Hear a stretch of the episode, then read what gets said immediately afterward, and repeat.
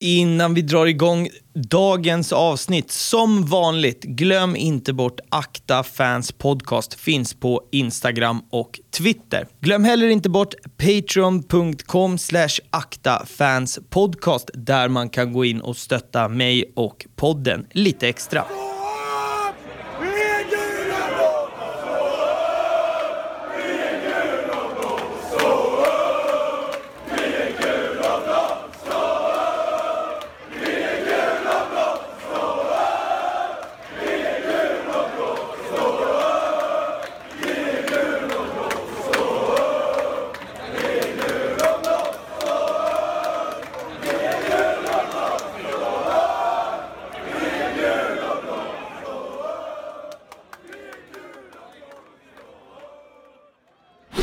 Det som händer då under det här andra guldåret, eh, 2000, eh, eller 2012 då helt enkelt, är att du blir en av Sveriges första SLOer. Jag tänker att vi ska dyka ner lite i, i liksom hur det är att vara SLO och så vidare. Eh, om, om, om man börjar med frågan så här, hur och varför alltså, den här tanken föds, att jag ska bli SLO. Du är en av de första hur gick det till när du blev SLO? Berätta. Ja, till att börja med så, så var jag ju anställd av Elfsborg sedan 2009. Jag kom in via en projektanställning från någonting som hette Fotbollsalliansen på den tiden. Mm. Så att de gick in och betalade halva min lön och sen stod Elfsborg för eh, den andra hälften så att jag kunde bli projektanställd. Mm. Och Fotbollsalliansen skulle jobba, alltså både då med eh, supporterkontakt och bygga broar där, men också att man skulle jobba med och gå ut i skolor och prata värdegrundsfrågor och jobba med samhällsgrejer. Mm, så mm. att jag hade ju kommit in eh, och sen kom ju SLO-funktionen ifrån från Tyskland. Eh, Uefa gick in och bestämde att det här är någonting som vi ska införa i alla ligor ute i Europa. Och där var ju Sverige ganska tidiga på att eh, anamma det här. Eh, dra igång en utbildning och börja rekrytera SLOer.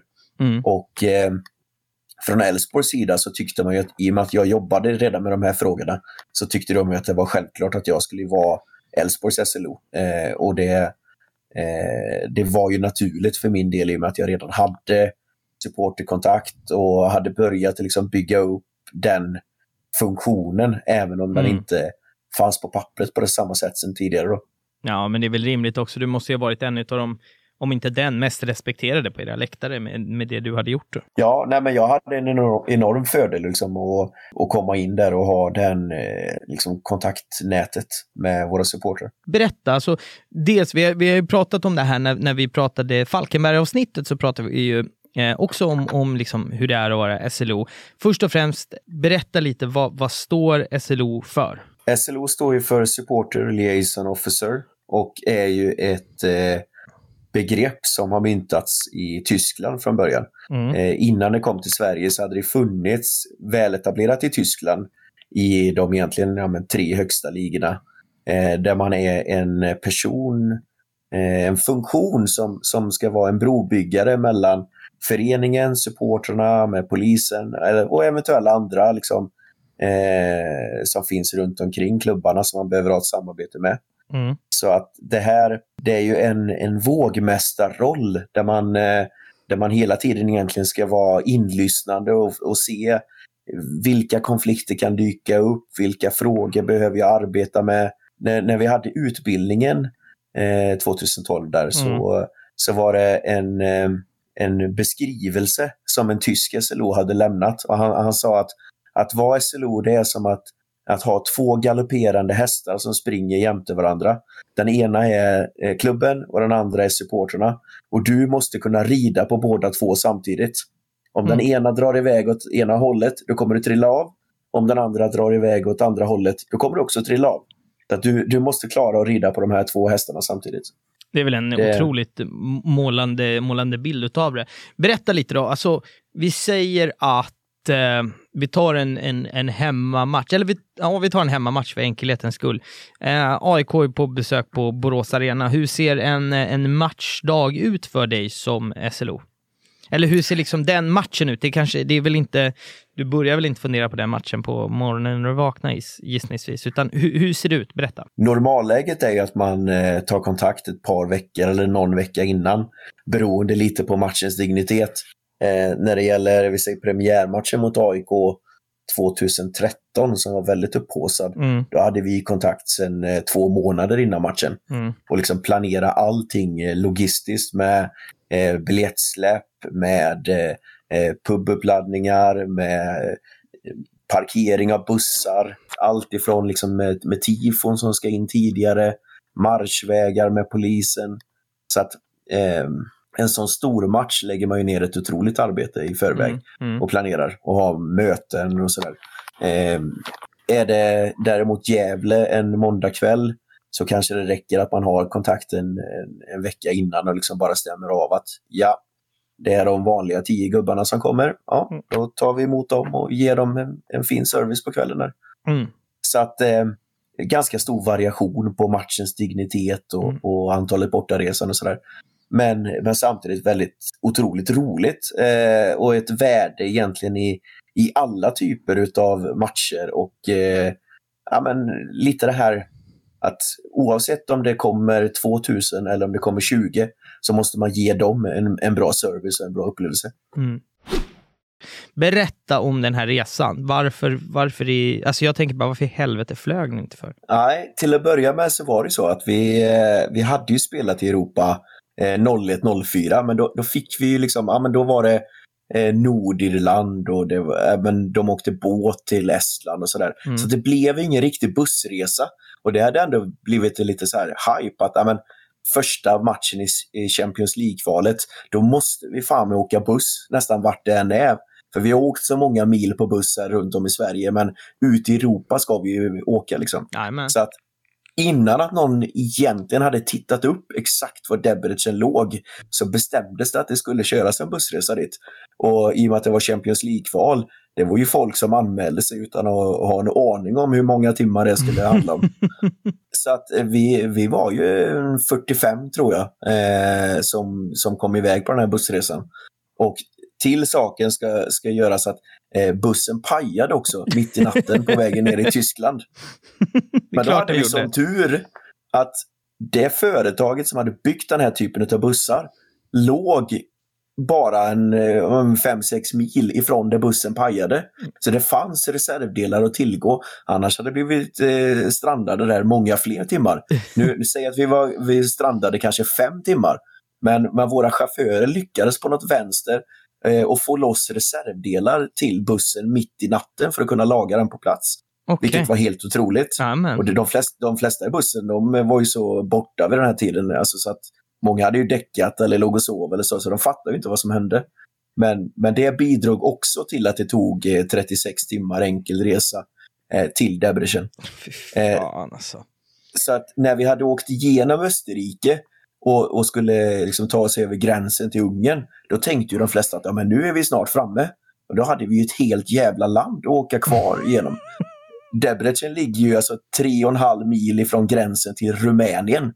Så vi skulle ju igenom hela Ungern också. ja. Eh. Och sen, ja, sen kom vi fram till, till Debrecen eh, sent på kvällen. Och då hade det ju pratats något enormt om att hotellet skulle ställa upp med buffé när vi kom fram. Och vi var ju redan 5-6 timmar sena jämfört med vad de trodde från början. Så att det, de hade ju dratt ut på den här jävla buffén. Och det hade pratats om den här i, i säkert 10-15 timmar om hur bra det skulle bli att komma fram och äta den här maten. Och det, det var ju ingen höjdare om vi säger så. Det, det var ju inte jättemånga som åt utav den här buffén på hotellet kan jag ju lova det, det togs lite andra alternativ i, i den här stan. Eh, som jag berättade tidigare, jag blev ju allmänt otroligt intresserad av det här med liksom, tifo, ultras, supporterkultur. Jag slukade ju liksom alla böcker som fanns på biblioteket. Eh, satt och liksom klippte ihop och såg sådana här tifo-filmer ifrån eh, Eurosport där de visade sju sekunders klipp med olika liksom, läktarfrekvenser. Jajamän, jajamän. Så att jag, jag, blev ju, jag blev ju en samlare. Så att jag, allt som hade med, alltså med både fanzines, med tifofilmer, med eh, eh, och fota, alltså riktiga eh, kort har jag ett par eh, permar fulla med tifobilder. Och, och satt och liksom hade brevkorrespondens ut och liksom med, med samlare ute i Europa. Så att man gick eh, tåligt och väntade liksom på att få de här breven med tifofoton ifrån, eh, från Europa. Ja. Det här var ju, även om eh, internet hade liksom börjat att växa rejält så fanns det fortfarande en hel del sådana samlare kvar i början på 2000-talet. Så att jag åkte ju runt mycket på matcherna och, och fotade själv och, och, bytte med samlare ute i Europa. Och så. Ja, men vad häftigt. Och det, det är väl någonstans här, du, du samlar väl in fyra, fem år och i och med det så, så, så börjar väl intresset väckas Eh, i din egna klubb. Det är, väl, det är så som jag har, när jag har försökt liksom baka ner vem du är och vart, vart du startar, vart du kommer ifrån, så är det så som jag förstår det. Du slukas upp av supporterkulturen och vill göra skillnad i din egna klubb också. Är jag rätt på det då? Jo, men det stämmer ju. Mm. Och eh, Vi hade ju en ganska nystartad eh, tifogrupp som startade år 2000, där Guligan Tifo Support. Mm, mm. Och vi var ju ett gäng ganska unga, 16, 17, 18-åringar som eh, började att ta mycket inspiration både ifrån Sverige, eh, för det var ju ett allmänt stort eh, intresse kring tifo. Liksom. Det var en hype. Verkligen. Där vi tittade otroligt mycket på Stockholmsklubbarna och sådär. Men även att man fick mycket inspiration ifrån vad som hände ute i Europa. Mm. Eh, så att det här var ju guld för oss. Och liksom, man hade ju hur mycket tid som helst och kunde börja göra allt bättre tifon under de här åren. För det var faktiskt min nästa fråga. När, när vi gjorde ska man säga, förintervju. Vi pratade lite inför och sådär, så jag försökte ta in lite information. Så det nämns lite olika, olika namn, så jag tänker att vi, vi ska liksom bena ut det där. Gulliganerna är ju den officiella supporterföreningen och den, den finns ju sedan tidigt 90-tal, inte sant? Ja. Och sen har vi Gulligan Tifo Support och det är, förstår jag rätt om det är du och dina vänner som startade det som en tifogruppering? Ja, jag var inte med helt från början, men eh, det blev ju en, en eh, renodlad tifogruppering. Mm. Det stämmer. Och sen har vi Yellow Fanatics som också dyker upp som ett namn. Vad, vad är de på skalan då? Ja, det är ju den grupperingen som eh, under de senaste 20 åren har varit mer utav en alternativ gruppering. Så att jag var ju med och drog igång den där eh, också år 2001. Okay. Och var med under några uppstartsår, men eh, lämnade sen över till andra personer som har drivit det vidare. Okej, okay, men då är jag med. Så att det är krasst om om man ska bara dra det väldigt krasst. Gulliganerna, officiella supportergrupperingen, Gulligan Tifo Support, Tifo-grupp och sen Yellow Fanatics är Ultras-gruppen då, egentligen. Ja, men det man ska veta med, med, med alla grupperingar omkring Elfsborg har ju varit ganska tajta. Guliganerna har ju sett som en eh, paraplyförening där man har försökt att hålla ihop. Att även om man tillhör olika grupperingar så ska man kunna åka på eh, samma bortabussar och nej, men, ha ganska mycket samarbete med varandra. Och Det du gör då 2002 är att du går med, eller du kommer med i styrelsen i, i Guliganerna som eh, reseansvarig. Då.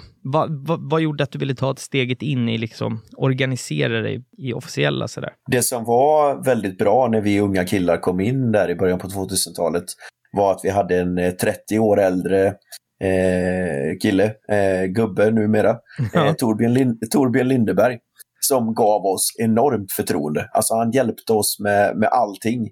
Och det är ju det som är så fantastiskt som man har velat ta efter själv sen just det här att det kommer in unga personer som kanske ja, men gör lite dumma grejer emellanåt, men som ändå får det här förtroendet. Och han eh, satsade helhjärtat på oss och liksom ville få in oss i Guliganerna och ja, men, gav mig ett jättestort förtroende. Mm. Jag kommer ihåg min första bortamatch. Det var AIK borta i premiären 02, när jag hade haft hand om den första liksom, bortaresan. Och jag gick med 12 000 spänn i kontanter in i fickan, livrädd i Solna centrum. och skulle lämna över de här busspengarna. Och då, var, då var man inte så jäkla kaxig som, eh, som 17-åring. Nej, det köper jag. 2002, bortapremiär, är det där, nu försöker jag komma ihåg för jag tror att jag var på den här matchen, är det där eh, tifot, AIKs tifo, en stor triangel, är det inte det? Med någon sån här råttvarning eller någonting. Jag tror att det är ja, den matchen. Ja, stämmer bra. Ja, men där var jag också. Ja, fortsätt. Ja, nej, men så att eh, Torbjörn, det är ju en fantastisk människa. Det är ju liksom en av de största Elfsborg-supportrarna alla kategorier. Mm. Och vi sa liksom, men vi vill, ha, vi vill ha bengaler och kunna bränna på träningsmatcherna. Och då tyckte han att det var självklart liksom åka ner till Göteborg och köpa en låda med 50 bengaler. Men han förhandlade sig till nere i hamnen där. Eh, ja, några bengaler som egentligen hade gått ut bäst före datum. Men liksom hjälpte oss med massa sådana grejer. Eh, och vi hade ju inte körkort många av oss utan då fraktade han tifomaterial fram och tillbaka kors och tvärs över hela stan. Och eh, det var lite min väg in i Guliganerna att eh, vi så tidigt fick ett så stort förtroende. Dels var det lite av en generationsväxling, att det var många av dem som hade varit med och grundat som nu började trappa av och liksom tyckte att de hade gjort sina år i styrelsen. Mm. Men det gjorde att jag och några till fick ett enormt förtroende att komma in och köra ganska mycket. Och då blir man ju väldigt hungrig också när man känner att man, eh, man får det förtroendet. Och det, det dröjer ju inte så jättelänge i ditt styrelsearbete. Det går ju bra för dig, eh, kan man ju anta. För att 2005, då kliver du in och blir eh, ordförande med cirka, ah, cirka 500 medlemmar under dig. Hur var, mm. alltså att vara ordförande i officiella supportergrupperingen, då blir man ju trots allt ansiktet utåt för hela den läktaren. Hur var, och du måste ju ha varit väldigt ung här då. Hur var, hur, ja. hur var det? Ja, jag var ju 21 bast. Mm. På något sätt, vi hade haft ganska mycket diskussioner innan det för att vi hade ju, det som hände i supporter-Sverige överlag då var ju att alternativgrupperingarna, både liksom eh, ja, men mer ultrasinfluerade eller mer eh, casual-influerade mm. alternativgrupperingar blev ju ganska starka. Liksom att alla unga supportrar som var liknande som oss försökte ju mer hitta en egen alternativ väg bort lite från de här supporterföreningarna. Mm. Och vi hade ju lite den eh, diskussionen hos oss att ja, men, ska vi strunta i guliganerna och köra på något helt eget nu? Men då kom vi lite fram till att ja, men, vi är, vi är fortfarande så pass små, så pass få medlemmar och det finns inte så många andra som är drivande som, som vill köra på samma sätt som vi gör. Så att vi hade den diskussionen att okej, okay, ska vi vara alternativa till slut, vad kommer vi vara alternativa till om det andra dör ut? Mm. Då, då blir det bara vi kvar i princip. Ja, så, att, så att vi tog lite det kloka beslutet då att ja, men vi går in och, och, och styr upp Guliganerna, kör några år och verkligen ser till att eh, se vad vi kan få ut av liksom en stark supporterförening och liksom få de uppsidorna. Så att med, med det i ryggen så gick jag in som ordförande och flera av mina vänner klev också in i styrelsen samtidigt. Och vi tog ju över och, och satte en ganska ja, men, ung prägel på, mm. på hela Gulliganerna som supporterförening. Mm. Och det gick ju rätt bra, för det var, det var ju en, en ganska tacksam period i och med att Borås Arena var färdigbyggd, Anders och Mattias Svensson kom hem och det blev en enorm hype omkring Elfsborg under mm. de åren. Tel Aviv i Israel, berätta om det. Ja, det är Patrik då, det är jag som åkte dit och jag hade planerat sommarsemester den här veckan. Faktiskt två veckor för man visste inte när man spelade hemma borta.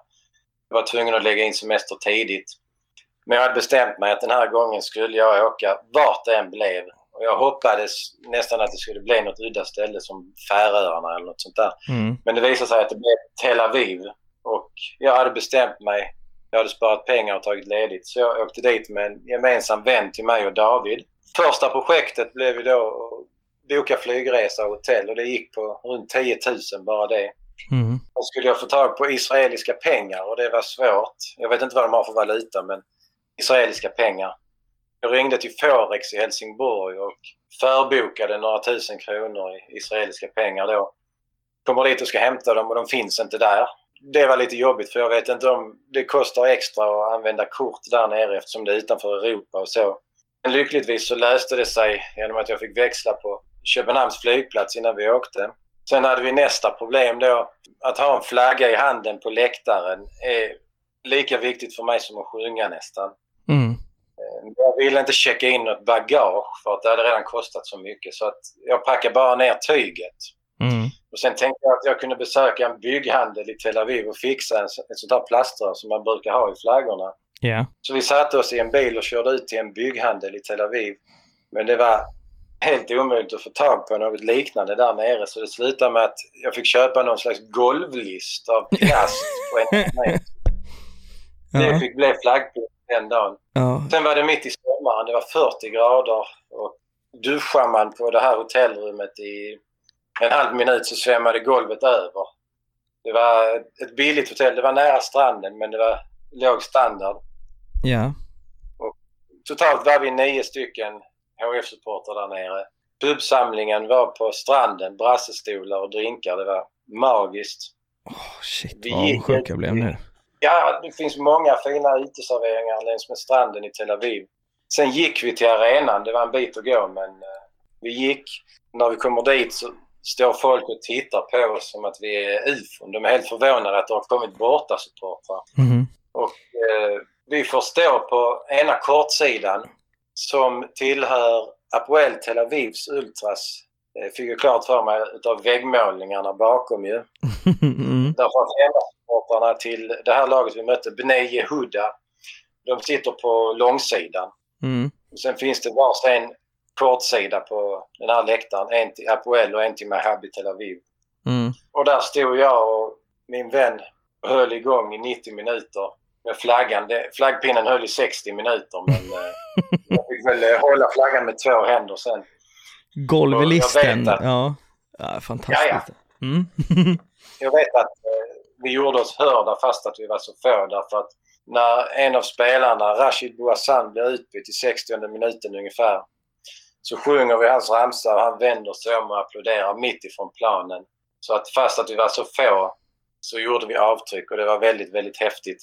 Och den här resan är också en milstolpe för mig som supporter därför att samma säsong hade jag varit på Gävle borta i norr då. Mm. Och jag räknade ut att fågelvägen är det 340 mil mellan Gävle och Tel Aviv. Så det var den sträckan jag hade färdats från norr till syd för att stötta HF. Mm. Och det tycker jag än idag är bland det mäktigaste jag varit med om som HF-supporter. Vi var inte många där men det var en väldigt personlig resa. Mm. Och eh, det är många fina minnen därifrån. Ja, det gör ju någonting med en att, att få känna den här stoltheten att man har gjort det här för sin klubb. Det, den, den kan jag skriva under på och köpa till, till 100 procent. Men du Patrik, vi ska hoppa in på en liten annan grej här. Du gör ja. en liten sejour i SFSU. Det har vi pratat om lite tidigare här i podden. I, nu ska vi se i två olika avsnitt, Gävle-avsnittet och eh, Älvsborg-avsnittet. Berätta lite ja. om din eh, resa i SFSU. Ja, jag var ju på det här första eh, mötet i Kungens Kurva. Jag var ju en av de två helsingborgarna som hade svårt att eh, förlika mig med att Malmö också var där, men det löste sig till slut. mm. Vi insåg väl helt enkelt hur viktigt det var. Det var inte då som jag gick med i SFSs styrelse, det var några år senare, men det var väl mycket på grund av mitt engagemang i 51%-frågan. Mm. Där eh, hade jag flera år i rad motioner på HFs årsmöte inskickade om att HF skulle stå upp för 51%-regeln. Och eh, där mötte jag på mycket motstånd från klubben. Därför att jag tror att HF var en av de klubbar som i, kanske i hemlighet drev den här bolagiseringen. Mm.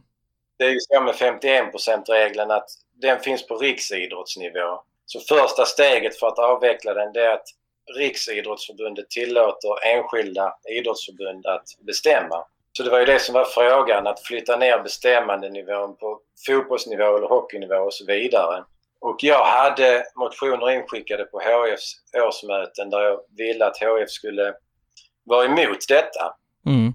Men de avslogs av styrelsen med hänvisningen att vi tycker att fotbollen själv ska få bestämma men vi vill absolut inte bolagisera. Det är inte det det är frågan om. Det intygar de. Men de var ändå väldigt måna om att fotbollen skulle få bestämma själv. Och för mig är detta ett steg i fel riktning. Och det, jo, var det, låter som... ju, det låter ju som att då är man eh, sugna på att inte, alltså att, att bryta 51%-regeln, det är det man hör mellan raderna här, låter det som. Ja, jag tycker det. Och detta var någonting vi kämpade med flera årsmöten styrelsen avvisade min motion men jag krävde votering och de fick räkna röster och allting men förlorade flera år men till slut lyckades vi vinna eh, och styrelsen fick backa. Mm. Åtminstone blev styrelsen eh, neutraliserad i frågan. De fick inte lov att driva på att Eh, den här beslutanderätten skulle ligga på fotbollsnivå längre. Och jag tror att det var ett viktigt steg i den här kampen. Och jag vet också att en, han som var ordförande i HF på den tiden, han sa vid ett senare årsmöte när han skulle avgå att han och några andra högt uppsatta inom fotbollen hade drivit den här frågan om att bolagisera. Men nu hade de insett att det är 51 regeln som gäller i svensk fotboll och det kändes väldigt skönt att höra. Du hade alltså inte velat att eh, HIF bytte namn till eh, Red Bull Helsingborg? Ja, det hade ju inte varit så kul. jag vill bara flika in här att 51%-regeln är det absolut finaste vi har inom svensk fotboll. Det är vi yeah. också överens om. Om man inte är insatt i vad det betyder så tycker jag att det är viktigt att sätta sig in i det och det är någonting som vi länge ska kämpa för.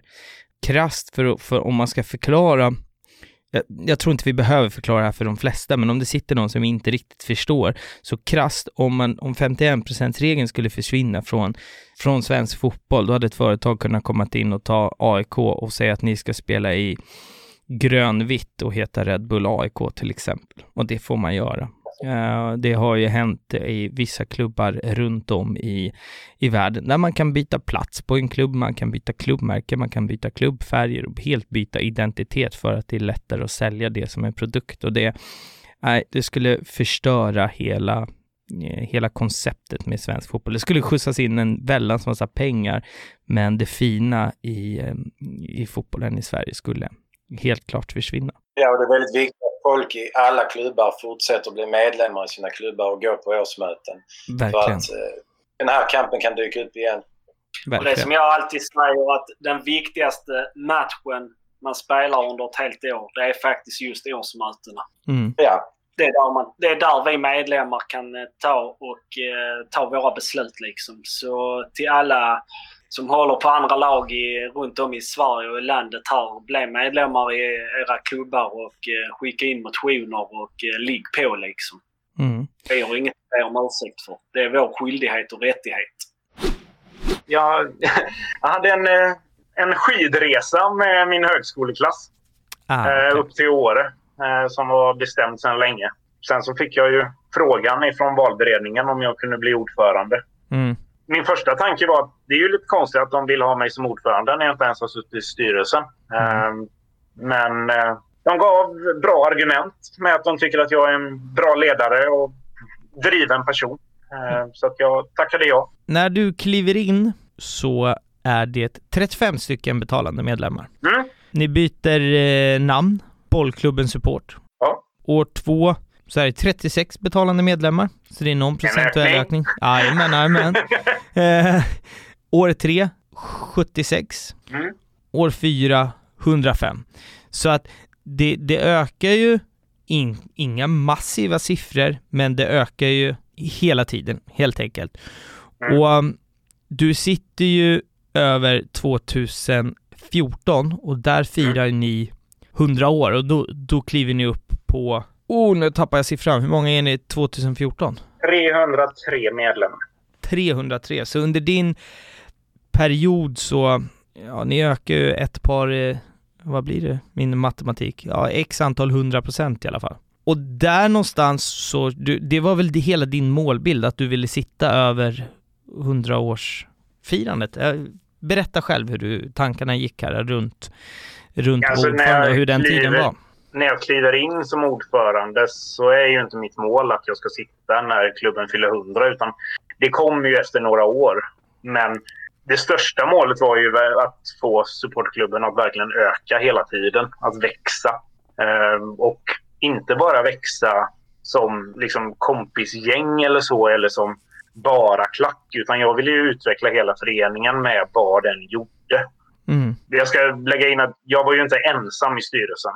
Utan jag var ordförande. Eh, det var det jag var. Så det vill jag verkligen poängtera. Bara för att man är ordförande och driven som person och kanske den personen utåt. Så jag vill inte ta på mig all cred eh, för att BKS ökade.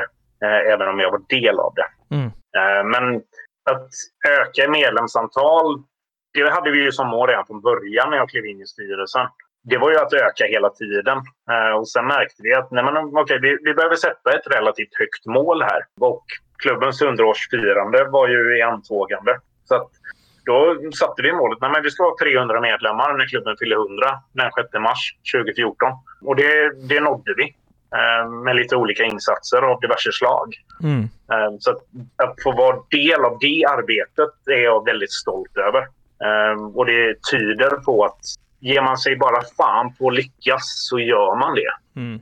Och det har vi ju fått eh, bevisat om inte annat i tidigare avsnitt i, i den här podden att det handlar bara om att ge sig fan på det. Och eh, till slut så kommer folk runt omkring inse att det är någon som liksom har taktpinnen och då all, alla har inte drivit att, att liksom leda och driva hela projektet men det många har energin och kraften att hoppa på ett tåg som redan rullar så är det ju Mm. Och när det väl har börjat rulla, då är det lätt att det rullar snabbare hela tiden sådär. Och du pratade lite om det här eh, 100-årsfirandet. Eh, planen mm. där är ju att ni ska ha ett, eh, ja men ett stort tifo, ni har ju liksom planerat inför, inför det här mm. ordentligt, men det, det blir ju en annorlunda, ett annorlunda 100-årsfirande, minst sagt. Berätta. Ja, alltså tifot genomförs ju. Uh, vi hade en overhead, jag kommer inte ihåg hur stort mått det var, men det täckte ju halva vår ståplats.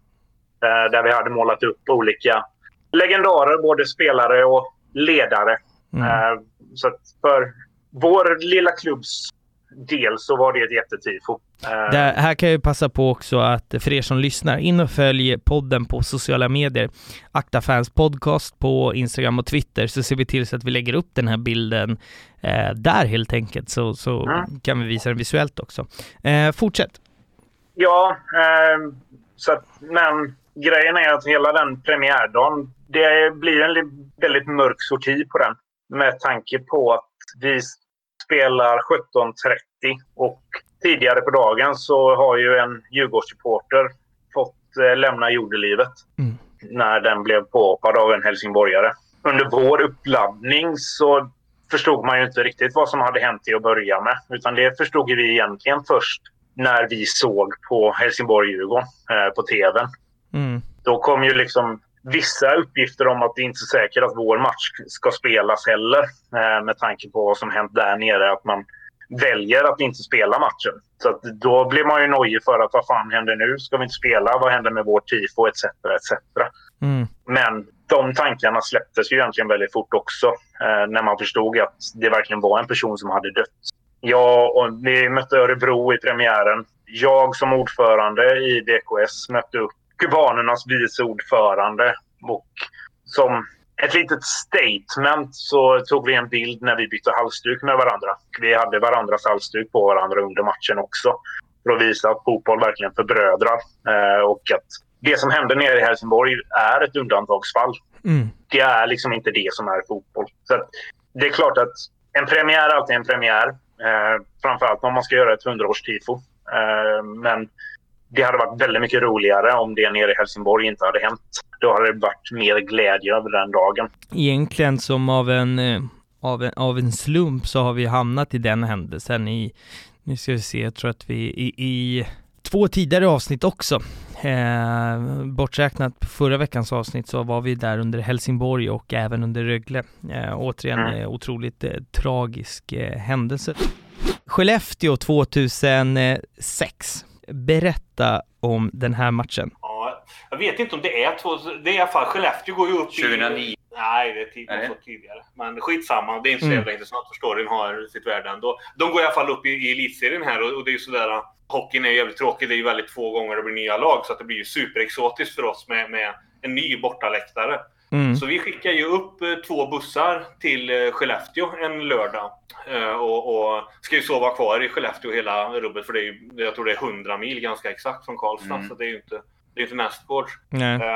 Så vi, vi är uppe med två bussar där, 100 gubbar. Vi härjar ju ganska friskt under läktaren ja. alltså.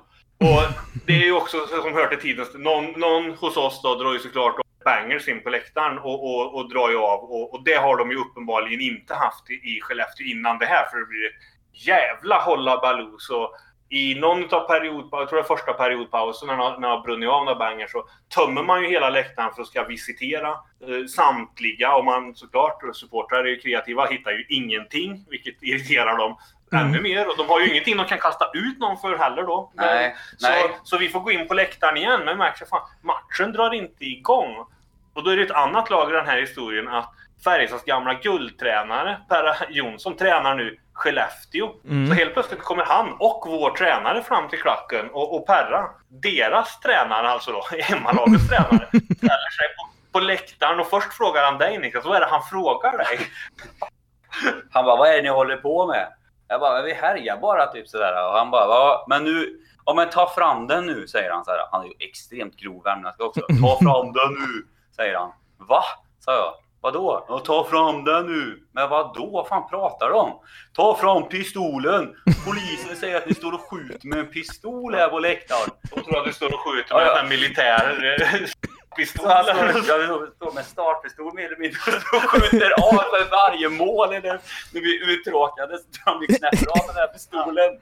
Jag bara, men det är för helvete bangers, sa jag. Men vad fan står vi här för, säger han. Så reaktionen då, så snutarna som står nedanför där, tränaren ska komma där och lugna ner oss och han har lite relation med oss. Och reaktionerna på det, vi bara, alla bara börjar garva. garva. Och det är än mer jävla förbannat att här ska han komma och prata allvar och vi har tänkt ja. ut en bra... Ja, du vet löpsedlarna vet du. Herregud. Åh, oh, fy fan, jag tänkte precis på det. Ja, det var ju bombhot i Skellefteå. Här bombhotade vi arenan. Ja. Alltså, det var så sjukt. Ja, och det här var ju som sagt på den tiden när det fanns löpsedlar. Så när vi kom hem liksom så, så var det liksom fullt och Svenska ishockeyförbundets ordförande ja. uttalade sig och, och, och, och massa grejer. Det var liksom... Det var ungefär som det här eh, Stockholmsderbyt där som Hammarby avbröt det där liksom, här dör fotbollen. Ja, ja, det, var, det var alltså eh, på den nivån. Men jag antar att du vill också att vi ska gå, gå vidare med vår... vår det, här, det här är bland de bästa citaten jag har hört i hela mitt liv. Jag, jag vågar, jag vågar, alltså jag, jag sätter så hög, hög eh, nivå på det här citatet som komma skall. Ni går ju ut och super lite på kvällen här. Ja, vi går ju till en, eh, till en krog där, gör vi. Och...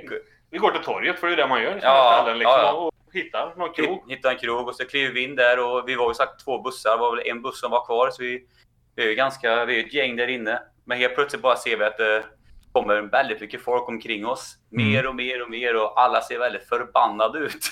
Och det blir lite tjafs, blir det ju. Ja, de vill ju styra någonting. De vill ju styra någonting. De vill ju de vill ju vara vansinniga på oss. De vill ju verkligen härja. Och så var det väl kul. Det var väl inte så jävla ofta det kommer bort. Alltså det är inte så ofta de får två bussar upp i Skellefteå från, som inte kommer från Luleå eller Umeå. Så jag antar att det mm. var. Kusinen var inte på gym eller på krogen. Nej, kusinen var inte där. Nej, så i alla fall... Vi... Och vi är lite tveksamma som fan. Det var, så här, man var, för det första, vi är inte vana att det går till så här. För att så tror jag inte det gör någon annanstans än, än Norrland. De bara kommer in och är jävligt gentlemannamässiga liksom och bara vill styra. Vi tänkte de kommer ju hoppa på oss och vi ställer ju oss liksom i ett hörn och är redo på att här kommer vi bli påhoppade. Men nej, de, de vill liksom snacka om hur, hur vi ska göra det här och vi är ju lite avvaktande. Och då är det ju sen en snubbe Niklas, så kan du göra din bästa norrländska röst nu? För han tröttnar på oss så sätter han ner foten och säger liksom han bara, vad som gäller. Han bara trycker pannan mot uh, min panna och säger han Vi jobbar i gruvan. Nej, vi har inget liv. Nej, vad fan säger han? Så här är det. Vi, har vi jobbar i gruvan. Vi har inget liv och ingen framtid. Det enda vi vill det är att slå ihjäl.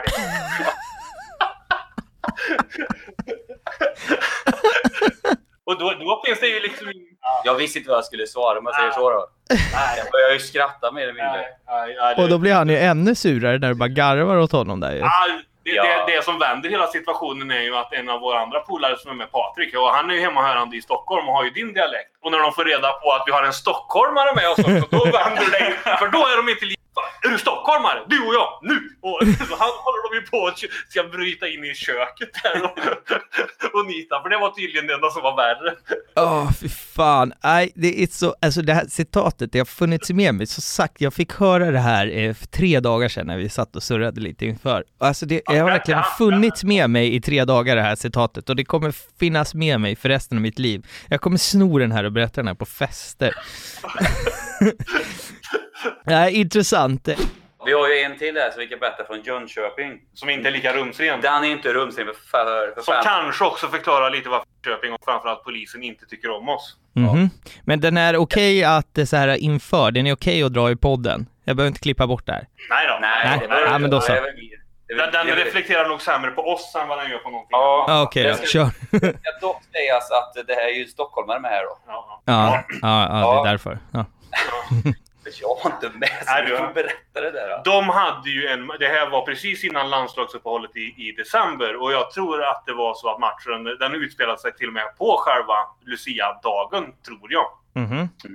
Eller så är det liksom dagarna runt omkring och det är en lördagsmatch och det ska ju vara partystämning i Jönköping och allting och, och vi har ju oftast då 150 man. Så mitt i, i andra periodpausen så tänker de att det här är ju matchen mellan två liksom rivaler som det bara skriks hatramsor mot. Vi kör ett Lucia-tåg på isen i periodpausen. Mm. Okej. Vad tror du vi tänker då som inte liksom känner oss värst välkomna i Jönköping? Det här ska ju vi paja såklart. Ja. Ja, Ja. så det kom ju ut någon stackars 14-årig Lucia med, liksom ett tåg där. Och, Säg att de var äldre. Säg att de var äldre. ja, det, det blir ju inte så jävla härliga ord sjungna om henne och vi buar ju friskt ut det här. Och, eh, ja, som sagt var. Sveriges Jerusalem man brukar prata om och sådär, de blir ju skogstokiga. Så att det, jag tror typ hela hallen ville slå Säg vad ni sjöng. Vi har knullat med Lucian. Oh, shit. Ja. Du kan tänka 150 man skanderar att de har knullat. Var på... När hon ska sjunga lite a cappella vackert i finstämmig sång på isen där för att fira in detta. Ja. Och sen bränn, bränn Jerusalem. Ja. Ja, okej. Och det här är ju så frustrerande för polisen blir ju helt vanligt. Men de kan slänga ut, de kan ju inte stänga... Alltså, vi har ju inte tekniskt sett, alltså, vi har ju betett oss som jävla rövhål. Så rumpepulte har vi ju liksom äh, varit.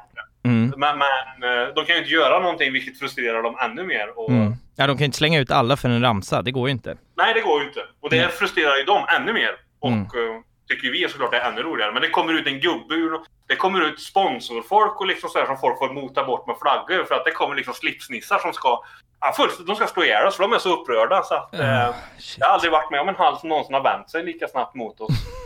Rimligt kanske ändå, på något sätt. Ja, ja, helt rimligt som vi sa. Den här historien är ju sämre för oss. Nej, den, den, den- får plats i podden, sen, sen, sen får ni stå för det helt enkelt. Det är väl så. Jag, jag har ett, ett, eh, ni skickar över det här, ett citat från en eh, supporterpolis i Göteborg. Jag läser, citerar honom här. Jag har jobbat som supporterpolis sedan 1993 och jobbat mycket med fotbollen. Där finns trots allt en viss hederskodex bland bråkmakarna, men de här personerna är jävla svin rent ut sagt, säger Gustafsson. Slutcitat. Eh, Det här är är otroligt eh, citat för övrigt. Eh, hur betedde ni er på läktaren för att få ett sånt här, som en hårtork av supporterpolisen? Vad händer här liksom? Just citatet, det, det, det är mitt fel kan jag säga. Så, men överlag, vi, vi tar det i två omgångar här. Alltså så. Mm. Så här, vi var ingen firma, men vi var jävligt stökiga. Alltså så, vi hade en liten paroll. Det som händer, det händer. Vi har liksom aldrig gjort den här Baltic-grejen och försökt styra slagsmål liksom i någon grusgrop eller, eller liksom så. Men, men händer det så händer det någonting. Liksom, dynamiken när man är på en bortamatch eller hemmamatch. Just det här citatet däremot eh, är för att eh, jag sa till den här, för veckan före vi skulle till Göteborg så hade Baltic av alla lag match i Kungar och jag var med lite som, som eh, lite turist där och åkte med på den här. Och Mm. det är jävligt kul för idag är jag ju samhällskunskapslärare och lär ut om källkritik och såna här saker. Men jag har sett ett citat om Gustafsson från Sverigescenens hemsida där det står att han blev hemskickad från EM i Holland-Belgien på grund av att han gick på strippklubbar. Så jag gick helt sonika rakt fram till honom eh, efter två perioder bandy och, och lite kir och frågade liksom Du, stämmer det här att du gick på, på strippklubb i, i Holland och blev hemskickad? Och han blev helt jävla skogstokig och jagade mig på den här parkeringen. Och veckan efter kommer det här citatet. Så att jag tror det är mitt fel att det här citatet, men vi var jävligt stökiga. Ja, alltså matcherna i Göteborg där lite senare. Vi talade ju om för att vi skulle på strippklubb vi också. Så. Ja, ja, Mm. ja. Ja, fråga om man skulle med eller? Ja, Ja, Vi, har, vi har aldrig värst gillat polisen kan vi väl inte säga i den avseenden. Och de har inte betett sig så jävla schysst heller ska man väl säga. Nej, vi kommer komma in på det ganska snart också, att de, de var inget stort fan utav er eh, heller. Sådär. Eh, men, men det som händer här med, med, med CFCs intåg på läktarna är att nu, nu börjar det bubbla, nu, nu händer det någonting och nu blir det bättre liksom. Fas 2 är verkligen inne, nu, nu eh, på väg mot en topp. Den kommer 2009 den här toppen, men ni, eh, ni har en, eh, en bojkott eh, 0708 som jag tänker att vi ska bolla in. För att när jag läste det här, det här är ju, ja, att en klubb kan göra så här mot egna supporterna är högst intressant. Som jag har fattat det så får ni stryk, HV borta, och eh, er egen klubb går ut och tar polisens parti. Berätta. Ja, vi, vi hade väl en, en stor resa till, till Jönköping. Typ 500, kanske inte riktigt så många. Nummer i hockeyn är svårt för att de säljer bara 150 biljetter så man får ju kämpa till för att få till de här storresorna. Men mm. som vi säger, vi är rätt hatade men Färjestad har ju fortfarande något form av anseende också av den här uh, pajasklubben som är med jävligt Eh, liksom, det blir bara kul om de, de kommer så att det blir oftast en, en rätt hård kontrast eh, till det här plus att Jönköpingspolisen är i mitt avseende några av de värsta supporterpoliser eh, vi har i det här landet hur de agerar på idrott. Men jag, jag tror att det, bakom arenan när vi ska gå ut efter matchen så kommer det några HV-supportrar. Och de, de tror inte ens de är värst nära oss eller någonting sånt där. De var i bussarna. Ja, de var ju. Men, ja. och, och det blir ju en tillströmning av folk dit och uh, polisen låter ju i vårt avseende då de här HV-supportrarna leva rövare men, men ger ju många av våra supportrar, alltså, och då är det ju allt från julgranar, liksom oss och, och andra, mm. som får redigt med, med stryk och, och det blir ju stora skriverier i och som vi då säger, Färjestad går ju ut sen och säger att det här är oacceptabelt som vi har betett oss. Ja, alltså media intervjuar våra spelare och allting och de, de har ingen aning om vad fan som hände utanför, men de, de uttrycker sig liksom även. Och jag menar, du vet ju ingenting. Du har precis spelat en match du och, och uttrycker om någonting som du inte har sett. Det, det blev jävligt dumt på väldigt många. Alltså vår lagkapten var väl den som de dummaste grejerna liksom. Mm. Och, och sen fanns det såklart en historia av här liksom. Så det var ju inte så att klubben bara jublade över att, att vi kom fram och, och, och sådär heller. Det, det, får man ju ändå vara, vara rätt tydlig med. Liksom så. så det var ju inte så att det här kom ur tomma intet utan det hade ju varit ganska mycket med det här att man inte ville benämna oss eller ens ville acceptera att vi fanns. Nej, Färjestad ville inte benämna oss liksom. Men Nej. alltså vi... Klubben jobbade fortfarande för liksom moderna hockeyn och ni strävade åt andra ja, hållet, är det så? Ja, ja. Vi var, vi var, vi var icke önskvärda. Mm. Mm. Och, och för samtidigt som det händer här också, nu ska vi kasta skit på, på en gammal djurgårdare här också, så det kan du säkert uppskatta. Att, mm. eh åt Hockeyligan och även för svenska, eh, svensk elitfotboll så jobbar det ju en säkerhetsminister som heter Abbe Törsleff. Eh, eh, han, och han har ju någon sån här historia av att han var gammal stökig djurgårdare på 90-talet och sadlade om. Han säljer ju in hela den här säkerhetsapparaten som byggs kring hockeyn under den här tiden och han säljer ju in att vi är typ firman Boys skrämmer Håkan Loob och våra de i kansliet att vi kommer att vilja ha kvartssamtal, vi kommer att vilja ta över klubben, alltså helt enkelt styr vår agenda. Mm. Och det, det gör han såklart i egenintresse för han tjänar ju pengar på det här och konsulta och att ju mer säkerhetsapparaten växer kring hockeyn. Och gör även idag. Och gör även idag, inte i fotbollen för Nej. jag tror att eh, DFG har tvingat bort honom eller ja. Djurgården överhuvudtaget. Men, mm. Så det är ju en ganska så hård kamp ändå liksom mot klubben även om vi har liksom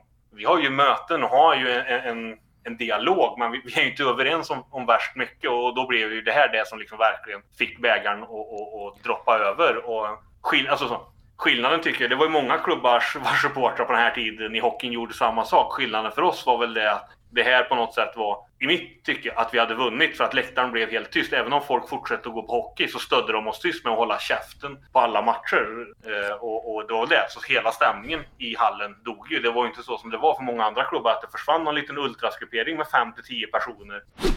Det jag tänker att vi ska eh, ta här innan vi eh, börjar liksom tacka för dagen är eh, du eh, får förra året så får du frågan om du vill vara medlem i SFSU, vilket du, eh, du tackar ja till.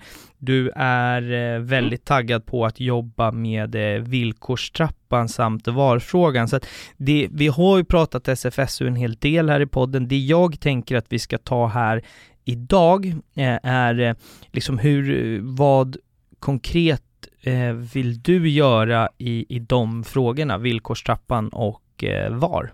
Vad ska du bidra med liksom, ja. i SFSU? Jag ska säga att när det kommer till VAR-frågan som är en av mina arbetsgrupper som jag har ansvar för mm. i SFSU så gjordes väldigt mycket grundjobb förra året där vi skickade ut lite enkäter och kollade liksom vad vill medlemmarna? För att vi jobbar ju på uppdrag av våra medlemmar liksom. Mm och kollade och det var ju liksom rungande nej, liksom. det ska vi inte ha i allsvenskan. Och det gällde även Goline Technology i samma frågor där.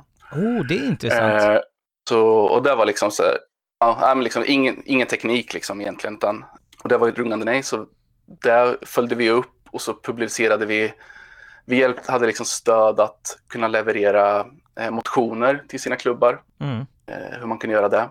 Och så nu det vi har gjort egentligen är ju vänt, egentligen bara avvakta alla årsmöten som är nu för att se eh, vad som händer och vi är väl i dagsläget uppe till tio klubbar som har aktivt valt att man ska jobba, att inte införa VAR. Mm. Eh, så det ser bra ut. Det är stora klubbar liksom. Eh, det är några till vi väntar på här som ska årsmöten. Mm.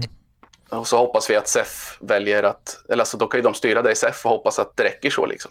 Mm. Eh, skulle det visa sig att vi behöver göra mer, då får vi ta, ta kampen igen liksom. Så är det ju. För det här är ju ett, enligt mig och ja, uppenbarligen de flesta aktiva supportrar i våra serier, det här är ett hot mot vår support, supportkultur. Mm, mm. Och mot fotbollen. Så är det verkligen. Så där kommer vi jobba hårt med att det inte ska komma in då, utan det är vår förhoppning att vi, för vår förhoppning är att det ska, att vi har gjort det mesta av jobbet nu, liksom att de här årsmötena ska väga så tungt så att de här klubbarna kan jobba i SEF och motverka Och det är väl samma med, eh, alltså du jobbar mer med eh, VAR då än vad du jobbar med villkorstrappan, förstår jag rätt då? Precis, jag jobbar med VAR och eh, lite föreningsdemokrati. Eh, vi håller på och egentligen kollar över lite hur årsmötena har fungerat nu. De flesta har haft det digitalt, liksom, om, det har mm. varit, om folk upplever att det har varit föreningsdemokrati säkert till exempel. och sånt. Samlar lite underlag. Eh, men sen villkorstrappan är ju det vi pratar om absolut mest i SEF såklart. Mm. Eh, även om inte jag är ansvarig för den arbetsgruppen så är det någonting, alltså det är där mötena handlar om till störst del, liksom, utvecklingen där, vad vi kan göra, började väldigt starkt 2019 med den här lanseringen av Rädda Svensk Fotboll som är ett initiativ från SFSU och andra supportrar. Mm. Uh, har man inte läst den så gå in på raddasvenskfotboll.com och läs om villkorstrappan så har ni missat det, att ni sovit under en sten eller något så förstår ni, kan ni förstå hur illa det kan faktiskt gå. match i Europa i Kosovo va? Mm. Berätta om det. Precis, och det här är ju, det här är inte som utan det här är året efter, alltså det är inte 2016. Då kvalar vi till Champions League och åker ut mot Rosenborg i första omgången. Just det. Eh, det här är året efter Europa League-kval, Pristina borta. Det, om, bortsett från Malmö så är det här absolut det största jag varit med om som fotbollssupporter. Okay. Börjar med att vi, eftersom vi, de flesta av oss flyger då, väljer då att flyga från Skavsta. Mm. Eh, och då är det till Skopje i Makedonien, eller Nordmakedonien heter det väl nu, mm. Mm. Eh, som vi landar. Och då väljer vi liksom att så här, man hade väl lite förutfattade meningar om Pristina kanske, så man var så här att amen, vi, vi väljer och vi lägger semestern i Skopje. Mm. Och så kör vi buss över. Så man liksom hade vanligt kul, festa, åkte iväg och badade, gjorde så här, turistiga grejer liksom i Skopje, hade jävligt nice. Mm. Sen hade vi hyrt en buss och då var, jag lyckades bli ansvarig där med, bortaresansvarig i från Makedonien till Skopje, mm. eller till eh, Pristina. Så den eh, eh lyckades ta på en buss. Då var vi kanske 20, 20, vi var inte många på den här resan, men det kanske var 20-25 IFK från Skopje som skulle åka i den här bussen. Mm. Eh, och vilken resa det var liksom. Åka genom eh, Balkan där och eh, poliseskorter och häftigt. Så väljer vi och, men matchen har ju alltså blivit, den ska inte spelas i Pristina för att deras arena byggs om. Mm -hmm. Utan den ska spelas i en stad som heter Mitrovica, tror jag, om jag inte är helt fel, som ligger i norra Kosovo på gränsen mot eh, Serbien. Och, eh, så att vi, men vi åker ändå till Pristina för vi har ett gäng där som vi ska hämta upp. Så vi liksom förfestar lite och har lite, lite gott sådär på dagen i Pristina. Grym stad. I efterhand kan jag nästan ångra att man inte valde att åka dit direkt. Mm, mm. För den var skithäftig. Eh, alla mina förutfattade meningar om det liksom försvann ju där, utan den var skithäftig stad. Sen åker vi eh, buss upp eh, dit och det är så här, jag vet något tillfälle, bussen hade ingen toalett så det var mycket toalettstopp. Vid något tillfälle där så säger busschauffören åt mig så här, men se till, se till de andra att ställ, gå inte utanför, gå inte ner i diket eller liksom ut på åkern och pissa för det kan ligga landminor. Och man bara, shit, vilken, okay. eh, ja. ja, men så här, sån jävla stämning liksom när vi, man åker där, man ser de här fantastiska landskapen som är där omkring och vi har poliseskort och vi bara liksom flyger genom trafiken. Det är helt galna omkörningar och eh, sådär. Så kommer vi fram till arenan och då säger de åt oss här att när vi åker in, liksom, att på den sidan, där är en bro kommer jag ihåg, liksom, på mm. den sidan har inte vi har inte vi som myndigheter någon kontroll. Aha, ja, men så här, det är liksom, utan, våra poliser åker inte dit. Där i vilda västern typ? Ja, men typ, det var liksom som de förklarade. Det, det, det här är liksom busschaufförens ord och inte mina, mm. så är det liksom serbiska skurkar som bor där, säger han mer eller mindre. Ja, så kom vi fram till arenan, så klassisk Balkanarena med liksom, som ligger, man ser bergen i bakgrunden, mm. eh, löparbanor, eller liksom inget tak eller någonting. Som, eh, som ni som har varit på Europamatcher vet så säljs det ingen alkohol. Nej. Eh, det kan ha börjat säljas, jag vet inte om det börjat säljas tre femmor sista säsongen vi var där i Sverige. I alla fall ingen, så att vi var så här, men det kommer inte finnas någon alkohol. Eh, och liksom, vi hade ingen möjlighet, det fanns liksom ingen, vi hittade ingen kiosk direkt då där vi kunde köpa eller någonting. Utan så här, men man fick dricka upp det man hade på bussen. Kommer in på arenan liksom. Och någon jag gissar på att reglerna bärs. inte hölls här. Då. Nej, nej. De bara säljer bärs. Vi bara ja, ja. Sluta nu liksom. Så Jo, jo, men fan, kom det, kom det två killar gående med långburk. Och alla vart så här. Så var det någon, ja, så var det, jag tror det var Carlsberg. Och så mm. var det någon som liksom så här, ja men de kommer sluta sälja dem innan matchstart. Så det var liksom, alla bara löpte ju ner där och köpte ju eh, all bärs man kunde få tag på. De bara mm. fyllde på och fyllde på, men de slutade aldrig sälja den där bärsen. Så det gick ju att köpa under hela matchen. Nej, det är inte så många Uefa-delegater alltså delegater som bränner iväg till norra Kosovo bara för att kontrollera Nej, antagligen inte. Och mycket snack innan hade ju varit det här, liksom att vi skulle ju, den svenska FN-bataljonen skulle vara där och skydda oss. Det skulle vara säkerhetsstyrkor. Eh, jag vet att vår käre SLO eh, fortfarande hävdar att det fanns säkerhetsstyrkor i kulvertarna där. Vi såg inga. Och, så det hade vi väldigt kul åt att vi hade förväntat oss pansarvagnar och helikoptrar liksom, men det var inget där. Eh, och sen var några till och med som lyckades få den här, de här kioskpersonalen att springa iväg och köpa eh, juice och gin åt dem så de kunde blanda drinkar på läktaren. Eh, och burgare sprang de och köpte åt oss. Eh, jävlar du. Och jag, alltså jag ska helt jag kommer faktiskt inte ihåg hur matchen slutade. Eh, vi går ju vidare, men jag kommer inte ihåg om vi var, Jag tror vi hade vunnit hemma redan så att det var klart, typ, ja. stort. Men eh, som fantastisk. De, liksom, man har sett de här arenorna på tifobilder och så här liksom. Och, mm. Med de här bergen i bakgrunden och det. Det var riktigt häftigt. Ja, det kan jag verkligen. Och sen hem då, samma väg hem egentligen då, Pristina och sen hem till, eh, eller hem då, men sen till Skopje då, eh, ja. på väg tillbaka. Har en, en rolig, ni, ni körde eh, minibuss till eh, Hammarby borta eh, två år i rad och du får den eh, briljanta idén i en av de här minibussarna att köra ljusblå foppatofflor för dagen till ära, vilket dina busskamrater inte kanske uppskattade så supermycket. Jag kan tänka mig att det har att göra med att det, de tofflorna hade samma färg som en konkurrent några, några mil norröver eh, har på sina matcher. Berätta om eh, den här minibussresan. Uh, ja, nej, men först och främst, alltså det, det, de här eh, minibussresorna till Stockholm och, och Hammarby borta, de var eh, sjukt roliga. Alltså det var att vi var ett kompisgäng där vi var ganska, vi var, alla var nästan i samma ålder och alla hade lite samma levde lite samma liv. Någon var student och någon eh, pluggade liksom på gymnasiet och så här. Så att alla var liksom... Det var liksom ingen som hade såg, no, såg någon morgondag. Så att vi festade på rätt bra i den här minibussen och så här. Och, och det var nog ingen som tänkte på mina direkt, mitt val av, av, eh, av skor så att säga. Utan jag... Eh, nej, jag tog på dem och jag funderade inte så jättemycket över eh, över det. Utan jag tror att jag bara sa nej men jag vill ha en skönt på fötterna. Uh, sen kan man ju idag fråga vad fan man tog på sig ett par foppatofflor. Men, uh, men jag bestämde mig ja. för, det, för det liksom. Och uh, nej men alltså vi sitter liksom och snackar och sen så är det ju en av dem som uh, registrerar, tror vi, vid ett sånt här obligatoriskt pissstopp där vi eh, stannar och kissar så eh, tror jag han kommenterar vad fan jag har på mina fötter.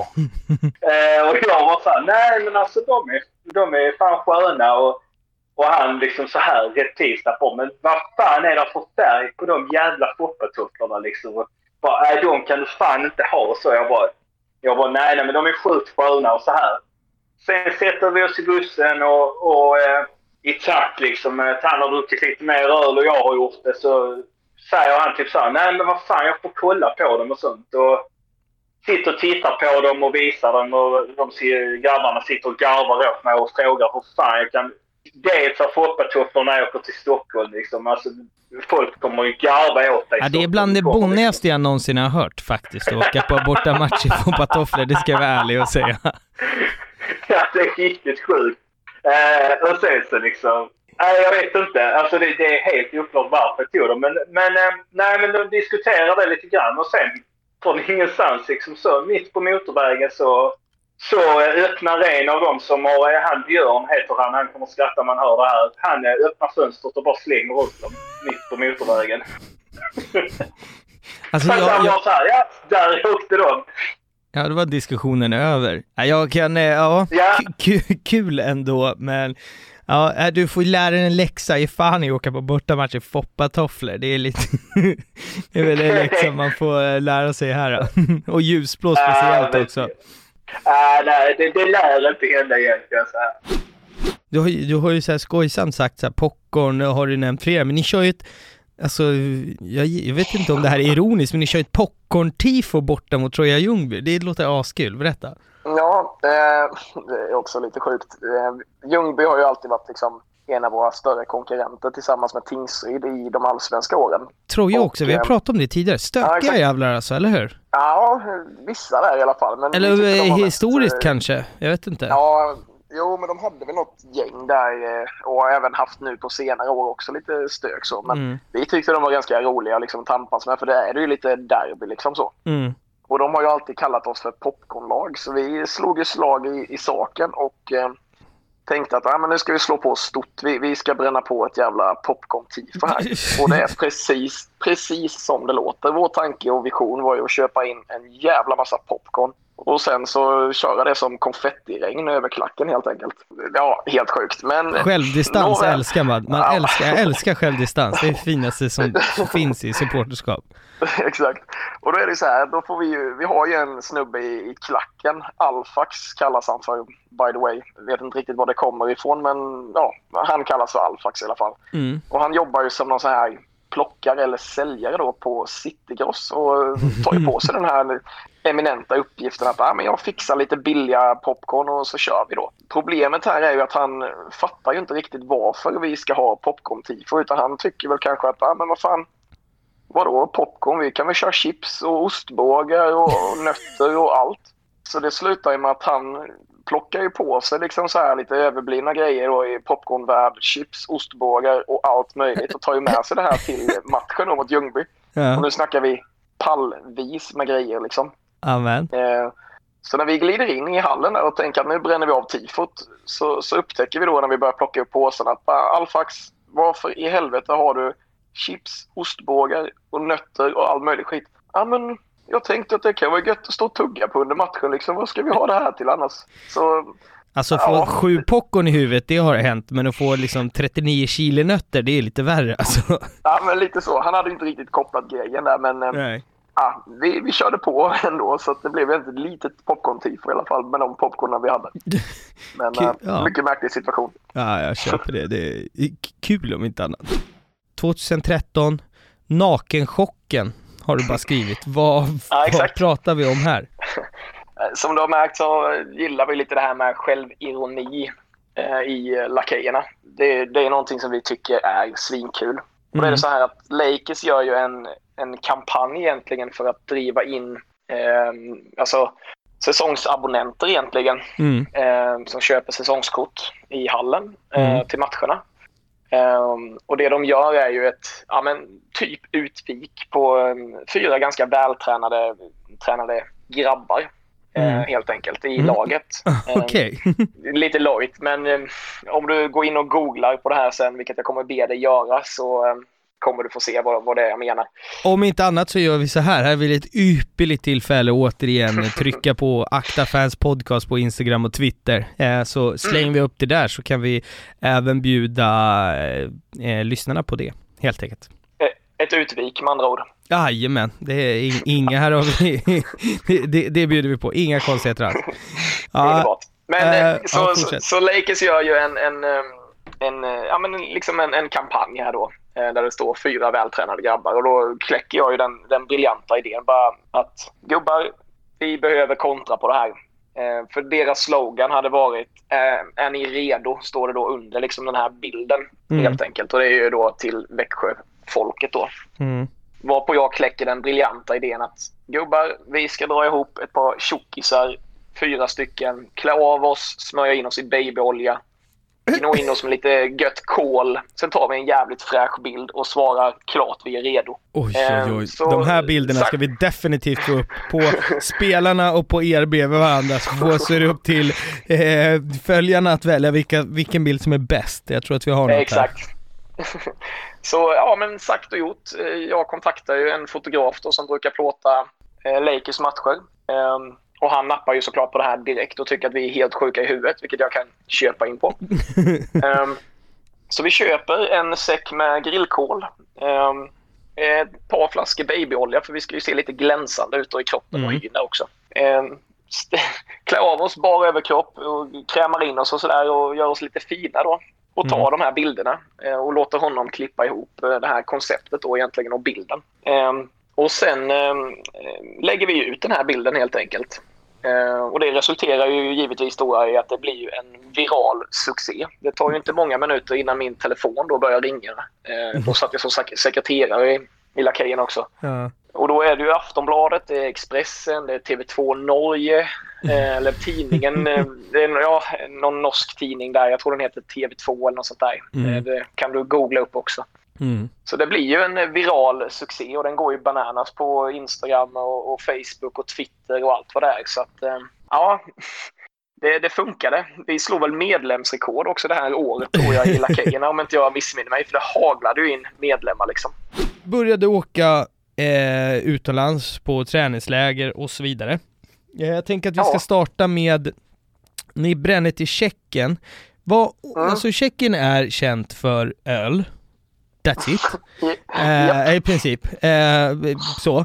Och ni lyckas tömma en bar på bärs i Tjeckien, vilket är helt, alltså det går, det ska inte gå. Men berätta om Tjeckien och när ni tömmer en hel pub på bira. Ja, nej, men för, får inte låta allt för nedvärderande heller så den svenska kronan står ju sig ganska bra till Pisex eh, tjeckiska krona då liksom. Ja. Det är ganska billigt. Vad kostar en bärs? Fem spänn? Ja, om ens det. det Ja. Jag tror det var ner på två spänn på den tiden vi var där. Så det var ju billigt då. Jajamän. Så vi, eh, innan en match, så vi är ju i Pisek heter det i Tjeckien. Eh, Efter att ha varit i Österrike också innan där. Men just det här tillfäll- tillfället så hamnar vi ju i Pisek då. Va? Jätteliten håla i Tjeckien någonstans. Ja.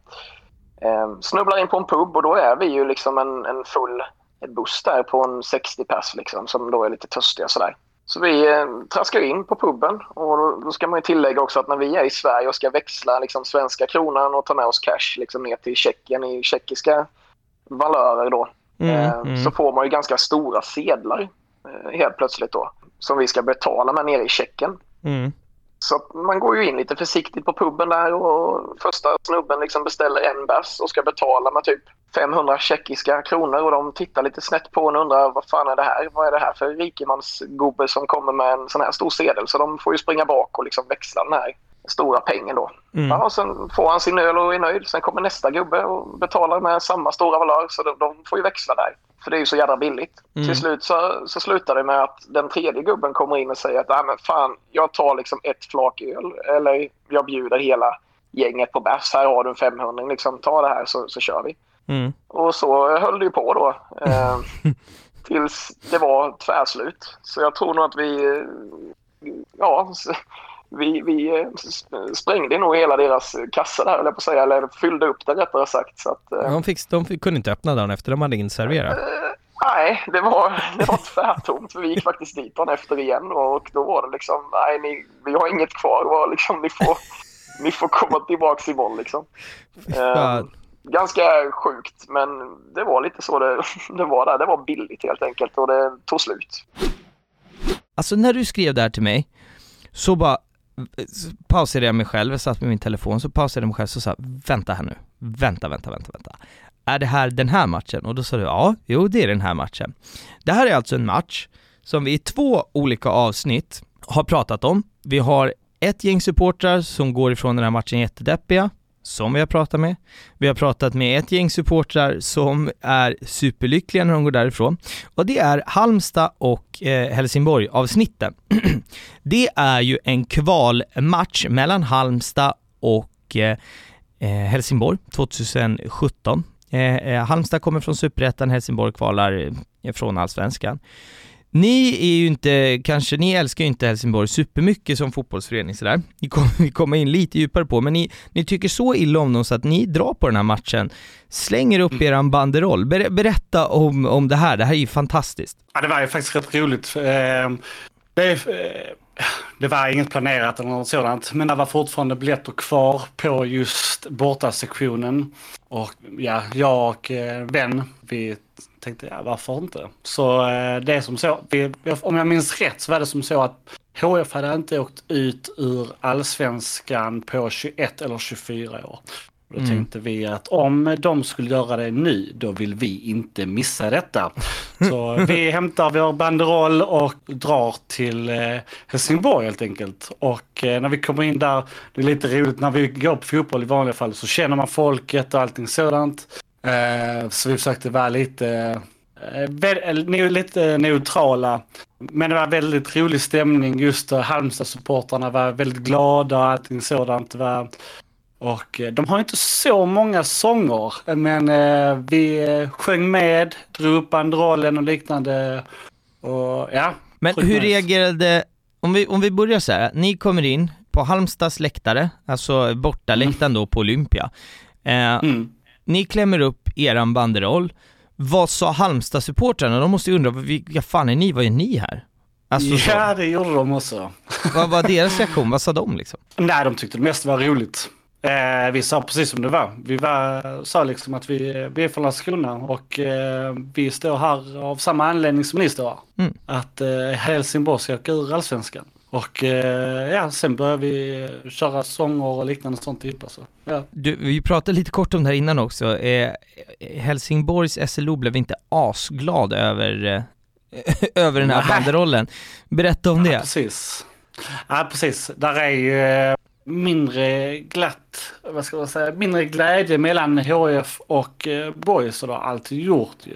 Mm. Och eh, SLO'n i HF, jag tror att när det blev 1-1 och liknande så rusar han, jag ser någon rusa framför oss och han bara rycker ner banderollen och springer därifrån.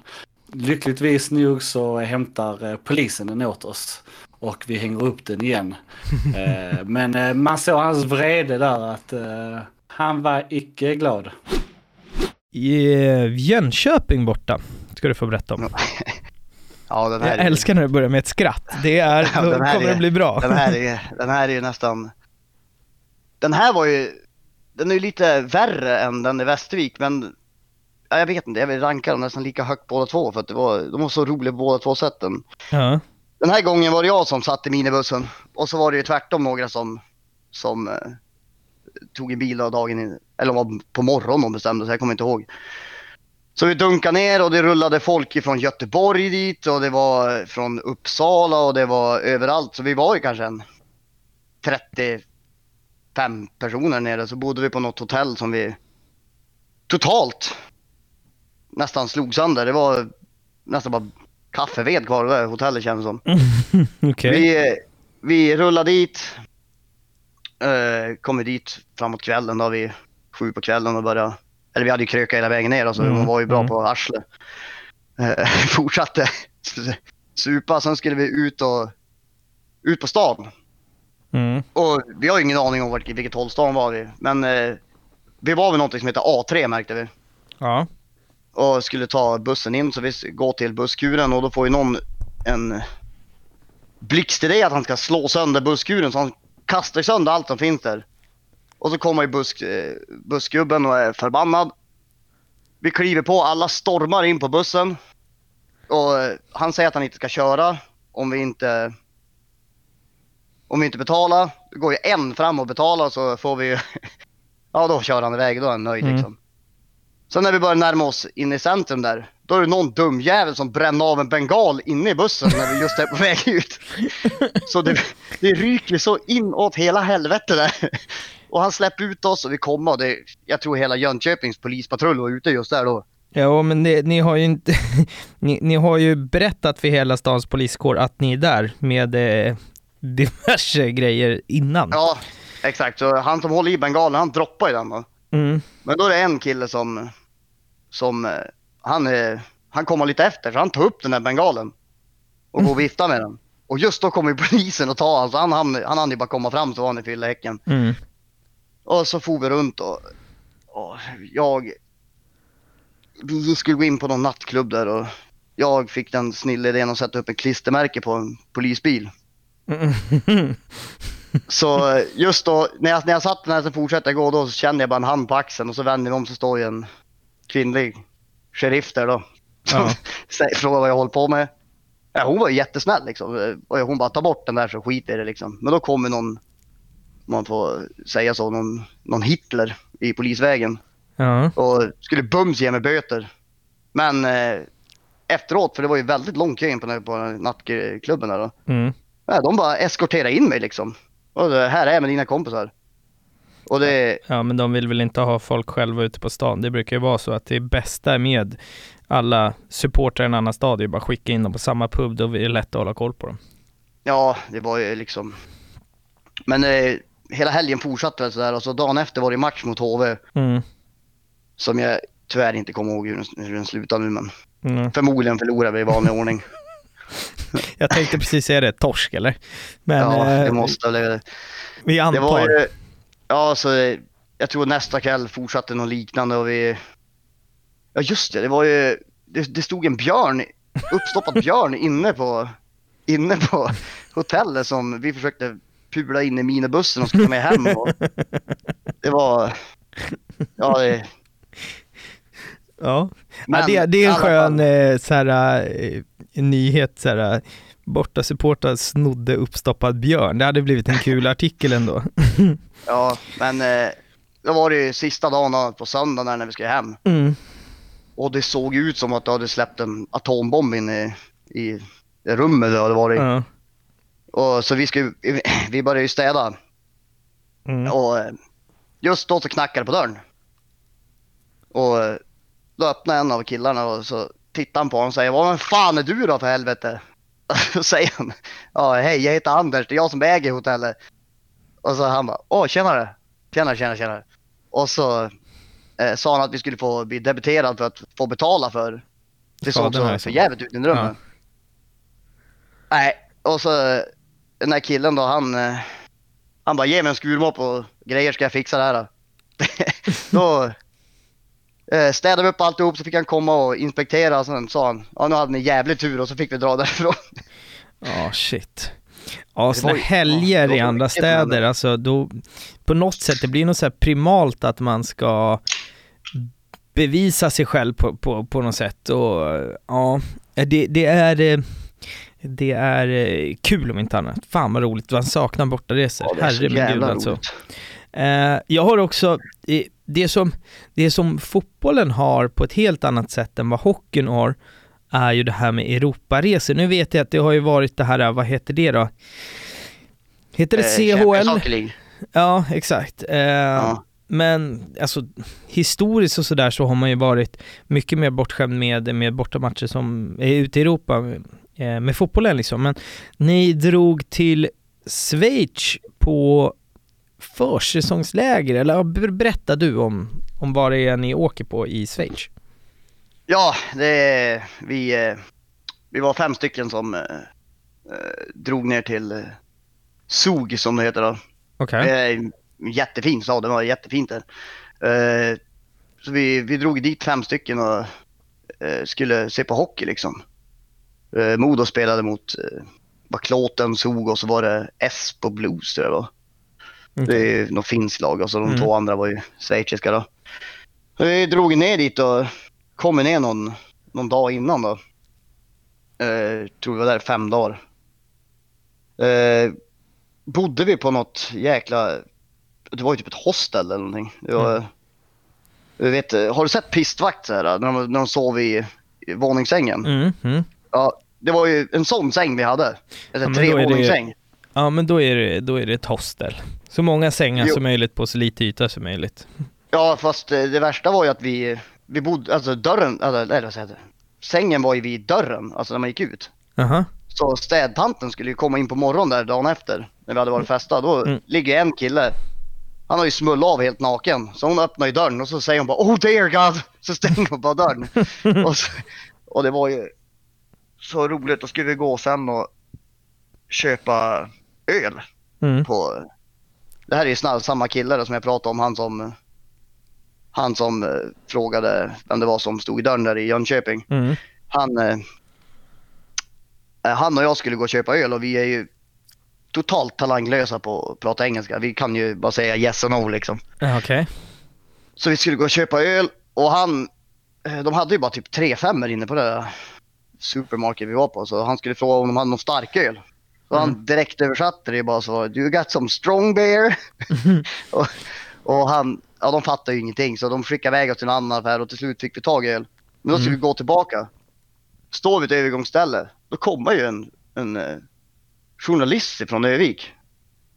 Och, eh, Som heter Hasse Andersson. Okej. Så vi säger, då säger vi tjenare Hasse. Tittar han på oss han säger han så här. Och vad fan gör ni här? Så gick han vidare. och, så, och så säger jag bara, "Jaha, det här var ju trevligt. Så Han orkade inte mer med andra ord. ja, han tyckte inte om oss. Tror jag. Ja, okej. Så eh, ja, det fortsatte där och skulle gå på hockeyn och det... Vi mötte ju Zug då. Mm. Jävla helvete vilken klack de hade. Den var riktigt bra alltså.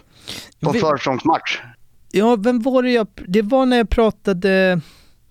I Luleå-avsnittet så pratade vi om lite schweizisk... Eh, la in det som en kort grej, jag pratade lite schweizisk eh, supporterkultur hockeymässigt och att den ska vara eh, jäkligt bra. Eh, Så att ja, det, det är inte första gången vi nuddar, nuddar på det liksom. Men ja, for, fortsätt. Ja, det var liksom, det var ju ganska, deras ståplats till exempel, den gick ju från, från blå linjen och så runt i en hel kurva. Oh, Så den var ju, den var ju helt sjukt stor alltså. Mm. Och det var ju ett jävla liv och det vart ju, vart ju något dåligt domslut där. Så vi fem ställde oss upp och pekade finger till allihopa. Och jävlar vilket liv det vart där. Alltså det var ju, ja det var ju helt galet. Och så när de mötte Klåten där, då var vi och kollade på den matchen samtidigt. Då kom ju in och så här, de stängde ju typ in oss. Så att vi inte kunde gå därifrån. För de, de trodde att vi skulle slåss. Okej. Så Och ni är alltså ju- fem gubbar här då? Det är det ni har? Ja. Mm. Ja, ja vi fem gubbar så var det, det var någon som var från Sverige som var där och kollade på hockeyn liksom. Mm. Så vi, sammanlagt var vi kanske sju stycken på den här borta stå. Så det var ju, var ju väldigt mycket som hände och det var, ja, man gick vilse där och det var ju, var på någon pub där vi sjöng karaoke och det var, Den här podcasten handlar ju om eh, supporterkultur och supporterskap. Men idag ska vi också berätta en, en kärlekshistoria. Eh, men ni som lyssnar kan vara lugna, vi, har, vi, det är liksom, vi är fortfarande på, på ämnet och det har med, med HV att, att göra. Du går på match, blir eh, skitpackad kort sagt och eh, står på någon räck eller någonting och blir ah, förbannad på domaren för att han, han dömer på ett sätt som inte du tycker att han ska döma och ramlar ner och ramlar ju in i en tjej. Berätta den här historien. Ja, det, det är ju samma match som den här maskeraden uppe i Leksand. Okej. 2014. Ja, okej, okej. Eh, Den första matchen i Leksand då. Ja, ja. Och eh, som du säger där, det var ju, ja, han, det var väl något domslut som man, eh, som man inte accepterar. Så att man, eh, jag vet vi satt på räcket där och så plakat som man var och sen föll man ju ner där. Mm. Så jag välte omkull en tjej där på läktaren som eh, rullade ner för läktaren där, brann. Mm. Eh, och hon tyckte väl att vad var det där för skithög som inte ens ber om ursäkt eller någonting. Och du är också utklädd Eh. till, vad, vad var du för någonting? Kossa? Ja, jag var ju kaninen då. Kanin, ja. mm. Eh, precis, och hon tänkte väl vad är det för idiot liksom. ja. Ja, nej, sen var det väl inget mer med det. Och sen, eh, sen nu då blir det två år sedan, då är vi i 2019 är vi va. Då, det är alltså fem år senare så korsas våra vägar igen. Utan att vi har vetat om det här, att det var vi då liksom. Ja. Kommer i kontakt med den här tjejen och det visar sig att hon är ju lika HV-galning hon då. Mm. Eh, och det unika är att hon är ju född och uppvuxen och bosatt i Gävle vid den här tiden. Okej. Eh, vilket man kan tycka också är konstigt. Då kanske man borde heja på Brynäs. Ja, men. Men eh, precis som mig så var det väl en liten rebell i henne också där. Alltså. Nej, det var, då, då, då kom det ju fram då att vi, ja, vi lyckades eh, komma fram till att det var ju vi den matchen liksom. Som hade sprungit på varandra utan att Mm. veta om det. Mm. Och idag så är vi sambos då. Hon har också lämnat jobb och, och hem och, och vänner och familj för att flytta ner hit då. Otroligt. Alltså tänk dig, jag ser den här och gör en film utav det här. Han ramlar på mig utklädd till kyck eller eh, kanin, dyngrak på en bortamatch. Och idag så är vi sambos och älskar varandra. Den, den, den historien är otrolig. Ja, det, den är lite unik, känns det som. Den, den blir rolig att berätta i framtiden. Verkligen. Det är en är otrolig. Hur träffades ni första gången? Jo, sätt er ner så ska jag berätta här. Ja, den, är, den, är, den är ruggig. Första matchen som jag har under away days är Leksand borta playoff 2014. Här klär ni ut er till djur och det händer en jävla massa grejer. Berätta om den här matchen. Ja, det var ju första året man införde det här eh, nya play-in eller play-off eller åttondelsfinal eller vad man nu vill kalla det. Mm. Där lag 7, 8, 9, 10 gör upp eh, i en bäst av tre match då, där sjuan möter tian, åtta, nian. Mm. Eh, HV kommer tia den här säsongen och får möta Leksand.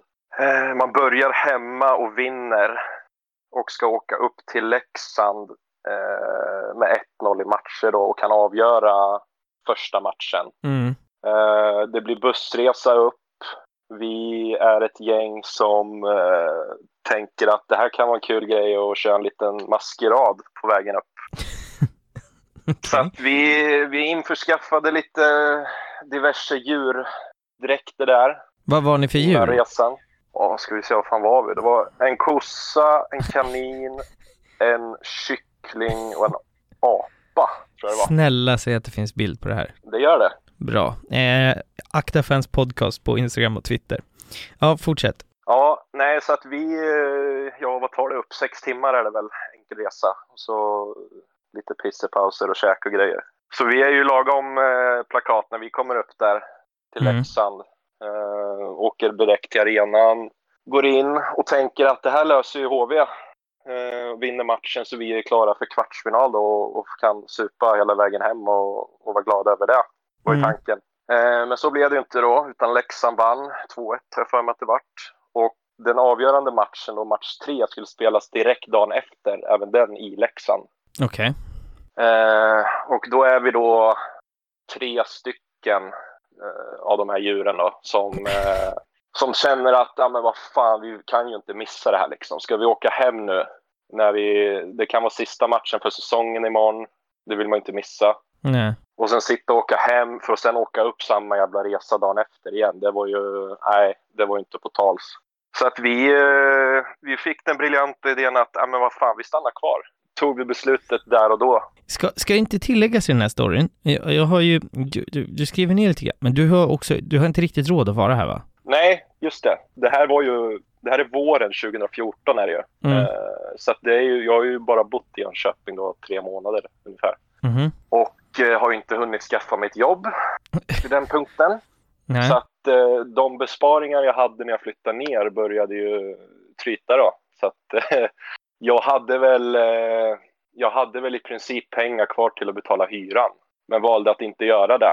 Utan valde ju då, som sagt innan den här resan, att vi lägger pengarna på, på den här bortaresan istället.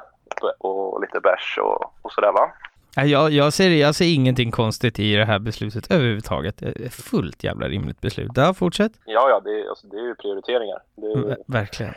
helt och hållet. Så att, eh, nej, så vi, vi tar då beslutet, tre stycken, där att nej, men vi, vi stannar kvar. Talar vi om för, för supportervärdarna och, och busschauffören där, att vi, vi stannar kvar. Eh, så vi ser att bussen åker iväg. Mitt i natten tänkte jag säga, på kvällen där i mörkret. Och där står vi med våra ljuddräkter på Leksands parkering. Vad har ni inga ombyte eller? Nej, nej. Vi hade, vi hade ingenting med oss. Vi, eh, så att, eh, vi stod där med ljuddräkterna och eh, inga pengar, inga kläder, ingen bostad.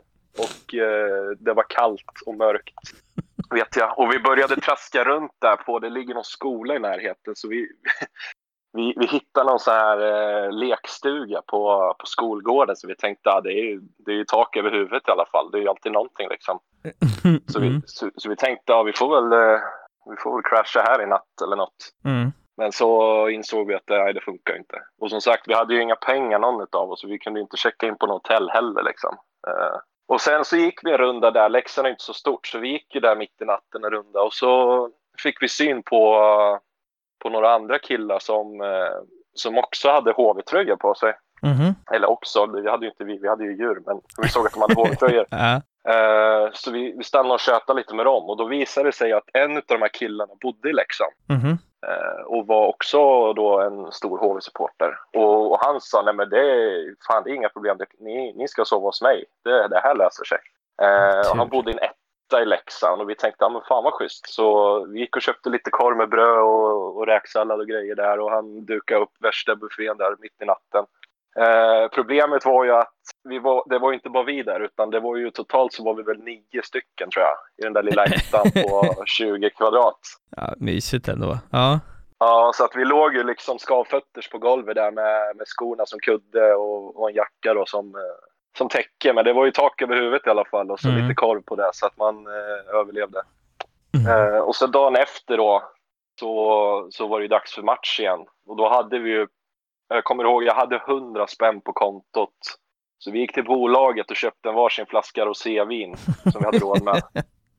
Och så satte vi oss i den berömda gropen som det heter i Leksand där de firar midsommar. Mm, så satt vi mm. där i, i vårsolen med, med våra djurdräkter så vi luktar ju, vi luktar ju svett och sprit så det, ja, det var nog överjävligt alltså. Det var så jävla äckligt. Men där satt vi och, och sippade på våran, eh, på våran flaska och, och laddade upp för match liksom. Vinner ni den här matchen då? Eh, ja, det gör vi. Eh, sen hade vi turen att eh, vi, vi fick veta att det skulle komma en minibuss upp till även till den här matchen. Då. Ja.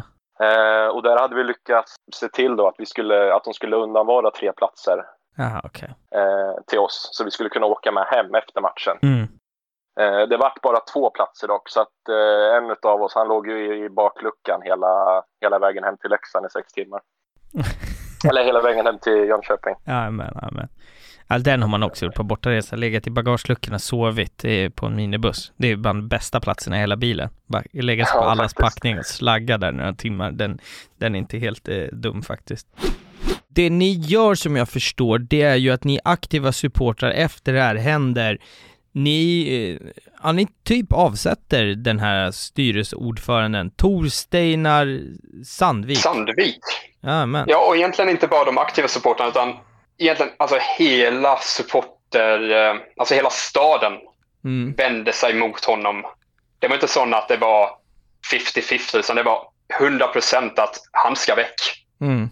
Alltså det fanns, alltså det, det fanns ingen annan tanke. Alltså det målades någon banner som lades ut på mittcirkeln på planen på natten och vi hade något, eh, alltså lite som mini-tifo i matchen efter det där vi hade, hade väl en hundra flyttlådor, alltså där typ Clas Ulfsson flyttlådor där vi Ja. hade skrivit avgå Sandvik som vi sen alltså hade den som alltså flyttlådor som konfetti som vi hivde som man kunde använda till kontoret sitt. Aha, det är Men, eh, askul. alltså, det det här det- vill jag ha bild på också. Det här kan bli en ruggigt Ja, det rolig finns bild. eh, rörligt material till det också. Perfekt, då tar vi det efter när vi, eh, när vi är klara här så vill jag ha det också. Ja, för att då var det, alltså han själv insåg ju att han, det, det fanns inte en chans att han skulle kunna fortsätta i klubben. Det, det hade aldrig gått. Mm. Och så, alltså, han avgår. Och i tillägg kom ju nu resultatet av det att eh, vi var ju klara att det säkert kunde bli något skit som kom, men att det var ju brott mot sån där arbetsmiljölag. Mhm. Att, eh, så nu kom ju domen att eh, det blev bara ynkliga 20 000 i böter till Viking, men alltså, vi hade ju förväntat oss att det kunde bli poängavdrag och allt möjligt. Ja. Med all rätt. Mm. Och så i tillägg så har vi även missat vad som kunde ha blivit en fantastisk sportchef. Men det finns ingen möjlighet att han kan eh, eh, komma tillbaka då? Nej, det finns det inte. Han har redan sagt det att... eh, För nu, alltså när han kom till klubben där i Obos, Mm. då var det ju att eh, det var andra gången han kom tillbaka som tränare och då skulle alltså, rädda klubben. Men det var Mm. som han sa, nästa gång så behöver ni inte ringa mig. Han är klar. Fa Cup-finalen 2014, berätta om den. ja, väldigt speciell för mig personligen och liksom många som inte är insatt i engelsk fotboll är hemma, även några som kanske följer engelska lag men inte åker aktivt förstår inte hur stor FA-cupen är. Det är, liksom, det är världens äldsta supporterturnering och förr, förr i England så var den ännu större och Mm. folk kanske tog den som i nivå med att vinna ligan. Det är inte riktigt så idag, men mellan, eh, från 2005 fram till då 2014 hade inte Arsenal vunnit en titel. Nio år utan titel. Jag hade inte sett dem vinna någonting på plats. Eh, Mm. vid det här laget hade inte jag och pappa säsongskort, så vi fick båda köpa biljetter på svarta marknaden, vilket blev jävligt dyrt. Och speciellt för mig som ja, inte hade tagit studenten än. Liksom. Ja, det Eh, kan jag men- tänka mig. Ja, men för mig var liksom, jag, det finns inte att jag, att jag ska missa det här. Det, vi mötte Hall, det var liksom upplagt för att vi ska vinna. Mm. Sen hade man ju ja, slanta upp som fan och vi ligger under med 2-0 efter 10 minuter. Fan. Ja, eh, sen så blir det 2-2, matchen går till förlängning. Fortfarande 2-2 efter första halvleken och sen gör Aaron Ramsey 3-2 framför vår läktare på Wembley då. Mm. Eh, och jag hade en liten personlig grej som jag sa. Att, ja, jag har alltid umgåtts med många som spelar fotboll och är seriösa med det, men jag har alltid sagt att jag ska inte dricka alkohol förrän Arsenal vinner sin första titel som jag ser. Mm. Och ehm, det blev då, då. Jag var ju 19 liksom, så det är ganska sent. Eh, men många visste ju om det av de jag gick aktivt med på matcher, så jag behövde ju inte betala för någon alkohol på kvällen efteråt kan man säga. Ah, du hade din första fylla då alltså, är det så? Ja, exakt. Och, jävlar. så det var ju liksom, och farsan var ju med och, och polare, så det, det blev ju väldigt speciellt. Första titeln på nio år och, och dricka för första gången. Och sen skulle jag även ta studenten några veckor senare, så otroligt speciellt på ett personligt plan. Sen att vi hade gått nio år utan att vinna något, det, och vinna det på det sättet blev ju ja, fantastiskt. Det ju det målfirandet som är ett fullsatt Wembley, mål mot vår sida, väldigt bra biljett, bara tionde raden precis bakom målet. Och Mm. Det kommer ju bära med mig in i graven när vi, när vi gör det här målet. Liksom. En artikel i tidningen, jag, jag har bara rubriken på den, den heter Polis på is. Vad, vad har du att säga om den? Ja, men det, var, det var så att det var stora stormningar i halvtidspauserna efter matcherna. Folk sprang över isen och stormade varandras klackar. På den tiden så var det ju inte den firmauppgörelsen som, som kanske var lite senare utan då var det klack mot klack. Jajamän. Rustningarna skedde på is. Polisen i Karlstad fick för sig, och det kanske är ganska taktiskt nu i efterhand, att man snurrar på sig skridskor på några gubbarna och försökte hålla koll på klackarna innan stormningen och sådär. Det, den artikeln du syftar på, den är ganska rolig och, och ja, det var så det funkar. Va, så det är fullutrustad poliser med, med, med ett par skridskor för det var snabbare än folk som ska springa på isen alltså? Jag hoppas inte de hade pistol och sånt på sig, för hade de dragit sig på isen och skjutit någon av misstag, då hade det kanske inte varit så Nej. mycket. Det, det är en, en syn om inte annat än typ kravallutrustad polis på ett par skridskor. Det, ja, det, det har något.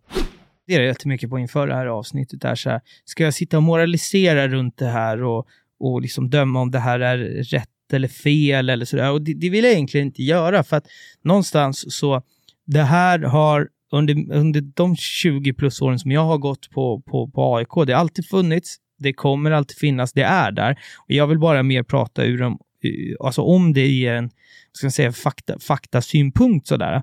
Men det, det finns ju många som, som i tidningar eller, eller sådär säger att men de, de förstör bara för, för klubben och, och moraliserar runt det. Vad har du för liksom, vad, vad har du för svar på, på det? Eller alltså, vad, vad, vad har du att säga om det? Jag är tudelad nu efter några år. Man har liksom, man har gått den här vägen, man har levt det här livet. Eh, man väljer andra vägval kanske senare. Mm. Vi, alltså ränderna går ju aldrig ur en tiger om man säger så på Nej. ett sätt. Men det man ska förstå det är ju att boxen i sig, det är ju för att vi som är där på plats vill slåss. Mm. Vi gör det i klubbens namn. De flesta av oss är supportrar. Vi älskar klubben. Och vi lever det här livet som, som finns i alla länder. Framförallt fotboll. Liksom. Att det, det finns en casual-kultur. Du slåss för din klubb.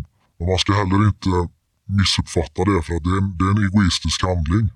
Som vi som supportrar gör i klubbens namn. Mm. Vad förlorar klubben på att ha en, en stark huliganliga vid sin sida? Det kan vara en hel del. Jag vet att IF Baltic har förlorat mycket sponsorpengar på detta. Får, får man dåligt samvete för det? Till viss del. vi, kände, vi kände då att vi stod över klubben. Just Mm. det här valet, liksom, vad vi gör i klubbens namn, det, det får vi göra eftersom vi representerar klubben. Men jag förstår ju mycket väl att en, en styrelseordförande eller något liknande har en annan syn på saken. Mm. Så är det ju. Så att det är väl också den här gamla frågan, grusgrop eller matchdag. Vart ska det köras liksom? Jo, men, och det har ju blivit mycket bättre med åren. Jag menar, när jag började gå på, på fotboll till exempel och hockey, då var det ju alltid stök inne på arenorna. Jag kommer ihåg de, de stökigaste matcherna var ju så här, AIK Hammarby, hockey på Hovet fram till så här 2000 pers. Det var så lite folk, eller många gånger så var det mycket folk, men Bayern sålde ju liksom, de var 300 man eh, och varav 150 grabbar. Så där stökades det ju friskt inne på läktarna, eh, även på fotbollen. Men det blev ju bättre sen just för att klubbarna tog så mycket stryk av det i form av tappade sponsorintäkter, böter och så vidare. Och sen, alltså, jag kan tycka att vissa, alltså vissa stökigheter förstår jag inne på läktarna. Sen liksom, ska man prompt slåss 100 mot 100, men skit i att göra det på läktaren. Alltså, fan, gör det i en grusgrop. Och vad folk gör i en grusgrop eller på parkering i, i någon liksom i något industriområde någonstans. Det kan omöjligt vara klubbarnas namn. Oavsett vad, om det står Baltic på er tröja så kan inte det vara klubbens alltså, fel, utan då är det ju samhället och en polisiär sak. Så att det, det, det kan man egentligen inte bråka om vad fan folk gör. Så, alltså förstår du vad jag menar? Ja, och det är det här blir lite problematiskt. Att du kommer aldrig få den känslan som när du har ett upplopp på matchdag i Nej. samband med matchen. Det blir så otroligt intensivt och du representerar din klubb till 100% just då. Har du en grusgrop liksom mot en klubb som, jag vet inte vad, någonstans någonstans där du har inte ens en match i närheten. Liksom. Det, blir, det blir en annan känsla och en annan situation då. Men det är ju det här som kanske avgör vilka det är som inom situationstecken riktiga supportrar och inte. Mm. Känslan du får när det är ett, ett, eh, en kravall liksom, i samband med matchen. Det, den känslan slår allt liksom. Samtidigt som det skadar klubben om det blir media Ja grejer då. Alltså när, när man kliver in i det här vanligtvis så är man ganska ung. Man har inte så mycket att, förlora. Men sen går ju åren och hur är det att ha ett, man kanske har ett familjeliv, man har ett jobb. Och jag kan bara tänka utifrån mitt eget, eget liv. Skulle jag ha det här till exempel så skulle jag vara jävligt nervös över så här, ja, kul att vara med i box, men tänk vad, vad händer om jag ska till jobbet på måndag och kommer med en liksom, bruten handled och en blåklocka? Vad händer om jag åker fast? Vad ska jag säga till morsan eller vad ska jag säga till jobbet? Är man inte rädd för de sakerna eller skiter man lite i? Eller? Men det, är väl lite så att det blir en naturlig övergång sen när man blir 30 och, och man, de som nu har småbarn och, och sådär, man, det lugnar ner sig automatiskt. Mm. Alltså det, det finns ju konsekvenser med att leva det här livet. Och eh, det, det som händer 2005 är att, eh, vad, vad jag kan gissa här är ju egentligen brist på, på, på manskap och folk av rätta virket. Så att eh, eh, ni startar någonting som, eh, som ni kallar Värmlandsalliansen.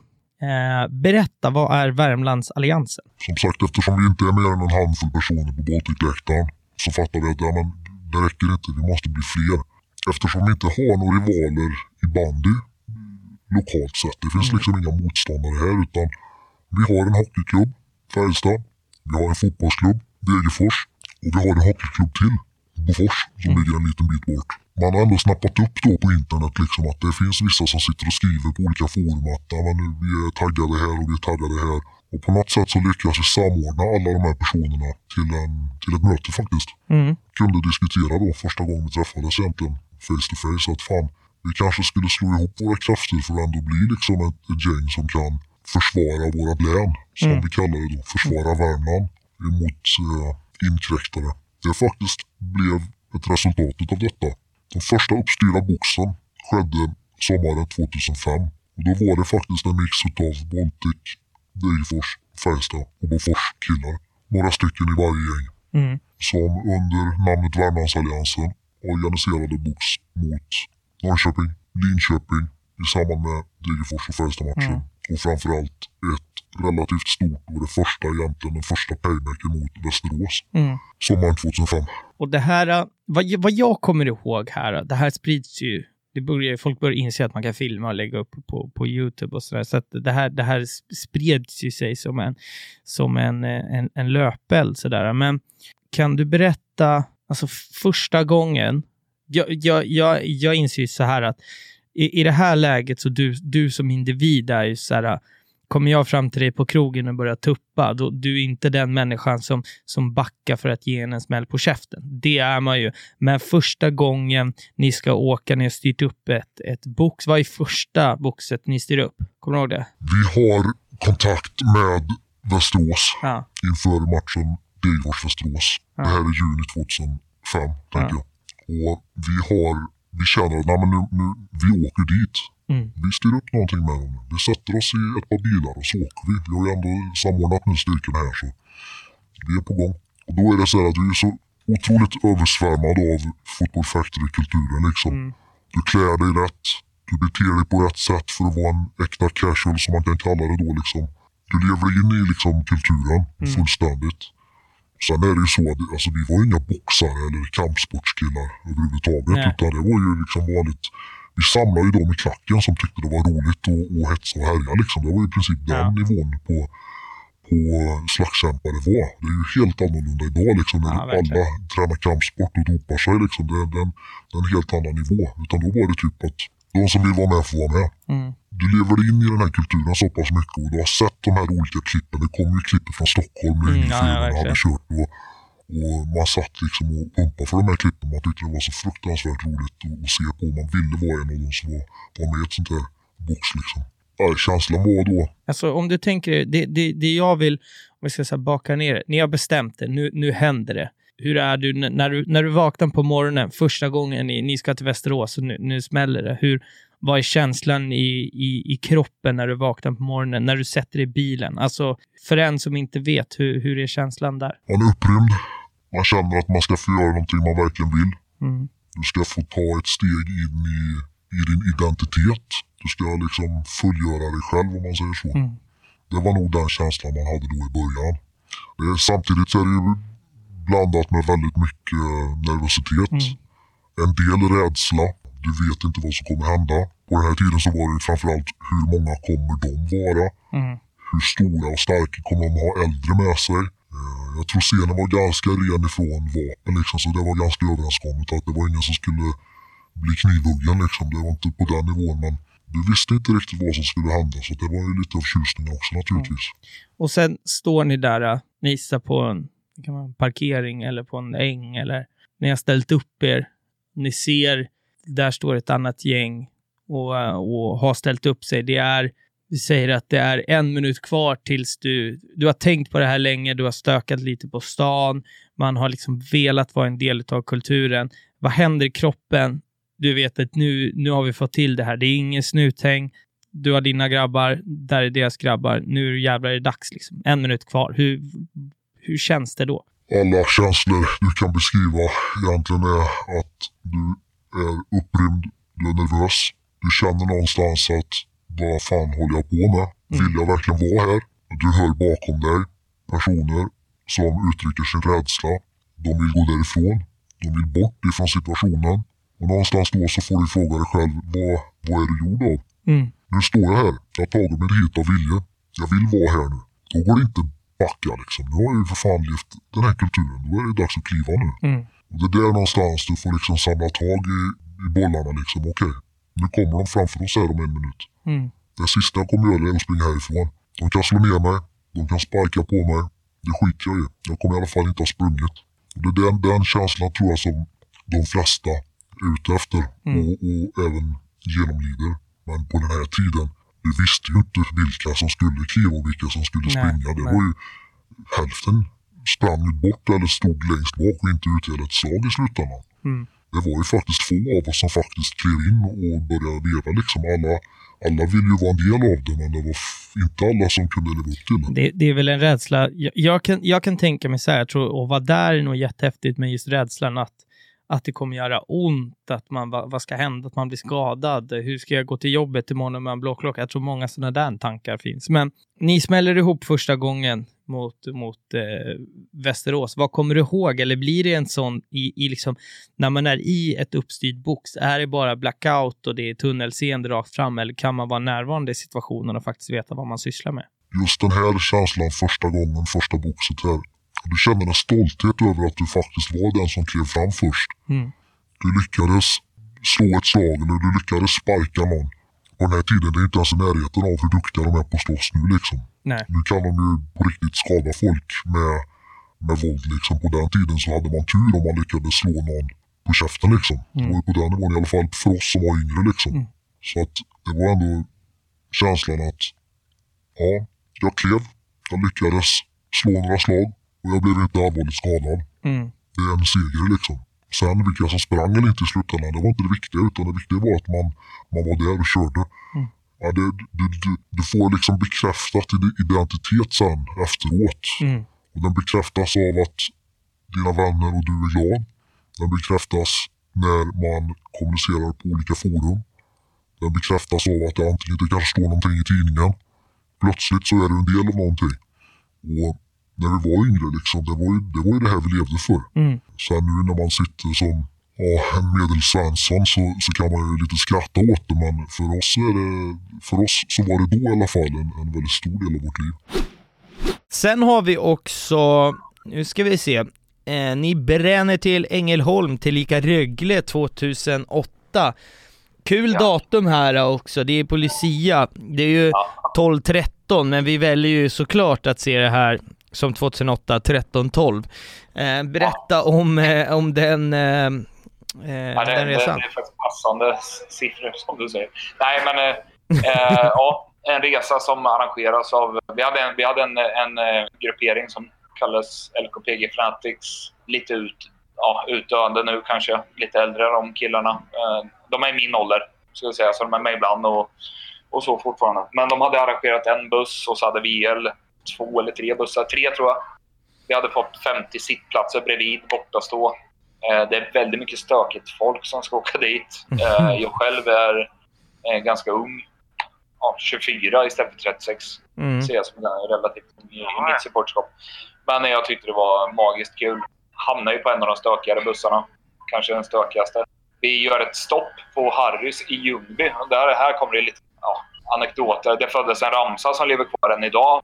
Harrys. Några gick och käkade kebab. Någon kom en Troy Ljungby-tröja som hängde på kebabstället. Inte kropp för att bära en tight hockeytröja eller eh, na- naveln tittar. Sen eh, den här ramsan föddes ju. Vi, vi hade beställt mat. Jag tror fan inte att det var mer än 10-15 man som käkade om jag fattade rätt. Istället så stod vi och hoppade och sjöng den här ramsan i två och en halv timme och drack bärs. Och slutade med att golvet brakade samman totalt eh, inne på restaurangdelen. Så några av de som eh, ja, var mest vilda, de sjönk ner en halv meter ner i golvet. Var på, man hörde ju braket liksom, just då. Och ägaren sprang dit. Sen kom han tillbaka med ett leende på läpparna. Vad fan hände liksom? Nej, golvet brakade, men det gör ingenting. Jag tror jag håller på att sälja som en lönehelg. Och det stämde ju mycket väl. Liksom. Ja, men, Eh, ja, men. Så det var ju starten på den delen, eller halvvägs ner till, till Ängelholm. Ja, ni är inte ens Så- framme här liksom. Nej, det, nej, det är fan Ljungby. Det är halvvägs. När vi kommer ner i alla fall så... Eh, sen har ju koll. De är ju med på där och det, ja, det är bra alkoholnivå på den här resan. Och de håller väl koll lite på vilka som sitter på vilken buss och sådär. Eh, Jag, jag vill nog påstå att våran buss var stökigast. Jag, jag själv är oskyldig. Eh, men, men de tar väl fel buss, så att säga. Om det fanns någon fel buss att välja och eh, gå igenom med hundar etc. Eh, cirka två mil utanför Ljungby. Övriga bussar helt ovetandes om, det här, om att det här sker. Sen är det några som har valt att ha med sig lite eh, bangers, dåtida bangers, som inte alls har samma kraft som de idag. Men ändå bra knall i en gammal arena. Vad kallades de? Tigersmällare? Är det så? Ja, typ. Ja. Tig, ja, tigersmällare. Ja. Tigerskott, tror jag. Tigerskott till och med, jajamän. Ja. Vi kom in på läktarna där ihopbökade i en, lite av en bur och märker att vi saknar några. Men så helt plötsligt så smäller det av och så smäller det av, jag vet inte om det är tre eller fyra till eh, med jämna mellanrum. Polisen, ordningsmakten samlar sig utanför läktaren. Matchen skjuts upp 20-30 minuter någonting. Och sen kommer våran sista buss upp på läktaren och bara jublar. Vad fan, hur mycket har vi missat? Har vi missat första? Nej. så helt oplanerat så har det skett. Att eh, vi sköt upp matchen. Och sen fick vi höra i media efterhand att ja, säkerhetschefen där hade sagt att en smäll till och vi hade blåst av hela matchen. Men ja, det, det är en sjuk resa som leder till att, jag vet inte om det är första eller andra paus, som polisen väljer att eh, visitera samtliga som ska avstå. Eh, och det finns bara en väg att gå och, och där är ett litet rum. Och toaletterna är bakom så att säga. Du kommer inte till toaletten direkt Mm. från läktaren. De väljer att ställa sig emellan. Eh, det blir fullständig katastrof. Det finns en Youtube-film för någon som vill se som är dåtida kvalitet som heter LKPG vs Snuten. Starkt Det namn. vevas, ja, det vevas fruktansvärt till slut. Alltså till höger direkt från trappan ner så är det en korvkiosk med två unga tjejer som säger de löper ju amok därifrån. Mm. fattar att läget är. Så den här korvkiosken och hela det här korvståndet tas ju i beslag av oss. Och, och vi som inte... Alltså, trappan är ju smal så folk kommer inte av läktaren i det här katastrofen. Mm. Eller kalabaliken som, som händer. Så det ställer sig en kille och langar upp varmkorv med bröd och dricka upp på läktaren. Det är ju typ 30-40 man som äter korv med bröd där uppe på läktaren och bara tittar på det här Ja. kaoset. vi ska faktiskt hoppa in på ett Q-segment och det här har varit en utav Alltså vi, vi ska in på rätt eller snett och lite grunden till den här rätt eller snett är det är klart, jag, jag vill göra alla, alla liksom lag och klubbar, men jag har varit riktigt sugen på att göra, göra liksom i Linköping av, av en, alltså flera anledningar, men en specifik och det, det, den har att göra med min rätt eller snett sådär. Eh, och för er som inte vet vad det är, nya lyssnare och sådär, det är egentligen ett påstående som jag har ibland lite Stockholmsraljant, ibland kul eh, och sen är det upp till er att bedöma om jag är rätt eller snett på det helt enkelt. Så här låter veckans. Ni är väldigt hatade i Hockeysverige och ni älskar det. Rätt eller snett? Rätt. Rätt. Utveckla. Ja, det är, ju- alltså, det, jag blir varm i kroppen av att höra att någon helt oberoende säger så. För det är precis vad vi, vad vi vill. Ja. Sen finns det ju självklart saker som har skett som inte är okej. Men ja, jag ser, att, eh, jag ser mycket hellre att, att, att de är ju våra fiender. Liksom. De andra lagen är våra fiender. Eh, våra antagonister på läktaren är våra fiender. Eh, om man ska leka krig, ja, det är klart, klart att man älskar det. Sen så, ja, det får, allt har ju sin gräns, definitivt. Mm, mm. Men, men eh, ja, det är rätt. Jag kan dra en story från, jag tror det var, jag vet inte om det var Aftonbladet eller Expressen som gjorde en eh, enkät där de frågade alla supportrar vilken arena som var värst att komma till. Mm, det här kommer jag nog ihåg till och med. tror, jag vet inte om det var Växjö, men jag tror det var Växjö supportrar som sa att de ville inte komma till Linköping för att de kände sig inte välkomna. Eh, Det var, när de var nya. Ja. och där tycker jag att då har ju vi lyckats. Då har vi lyckats med det vi vill. Sen om det vet jag inte om hur de blir bemötta från andra. Men, eh, vakter och etc. Vakter och så vidare. Men vi, vi tar det som att eh, de inte vill de vill inte komma hit för att de känner sig inte välkomna av oss. Och det är Nej. så vi ser på det hos alla som kommer till oss.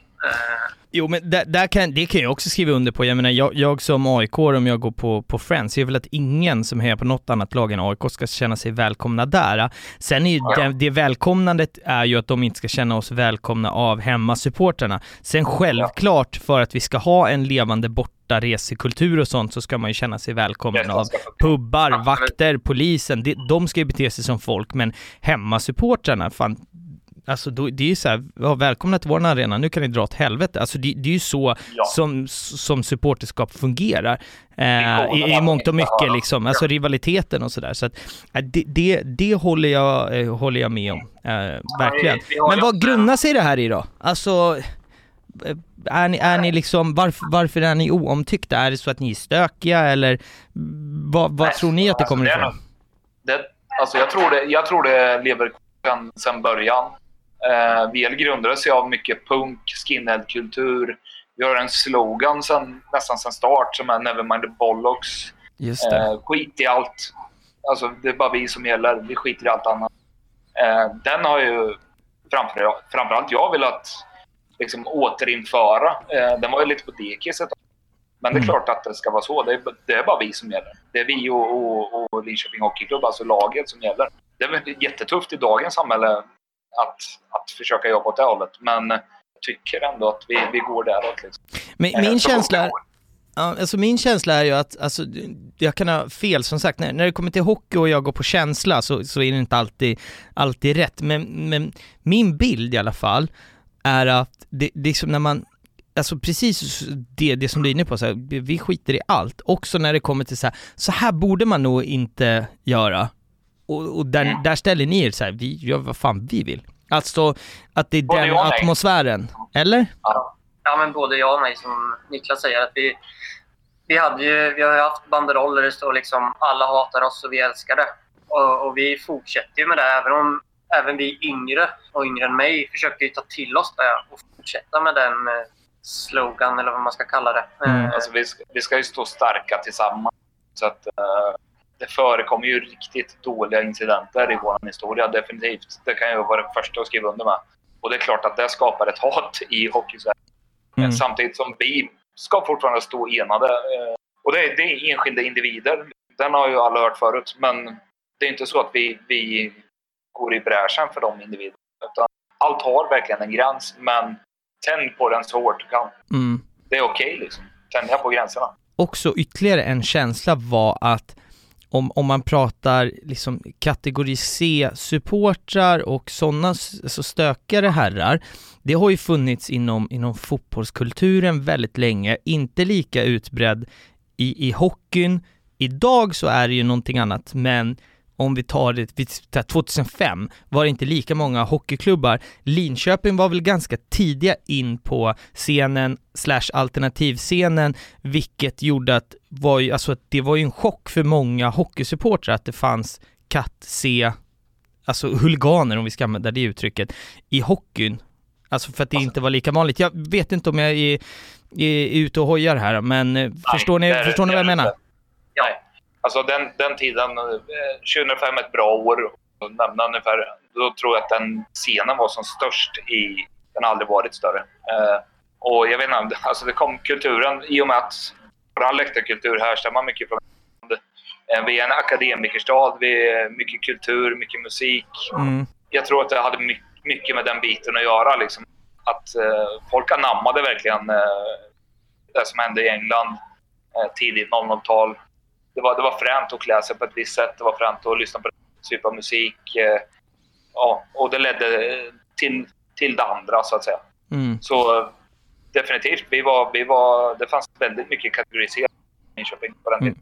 Nej, det låter väl just, just de åren, det blir lite som vi pratade om i, i, i, Baltic-avsnittet där med, med Erik, att eh, det kom ju, alltså det blev trendigt och sen släpptes det två filmer och helt plötsligt så kom det som en bomb att alla dressade liksom och, och, och det poppade upp eh, Katsi överallt för det var det trendigaste man kunde vara liksom. Vi hörs igen nästa måndag. Ta hand om er, vi hörs, ciao!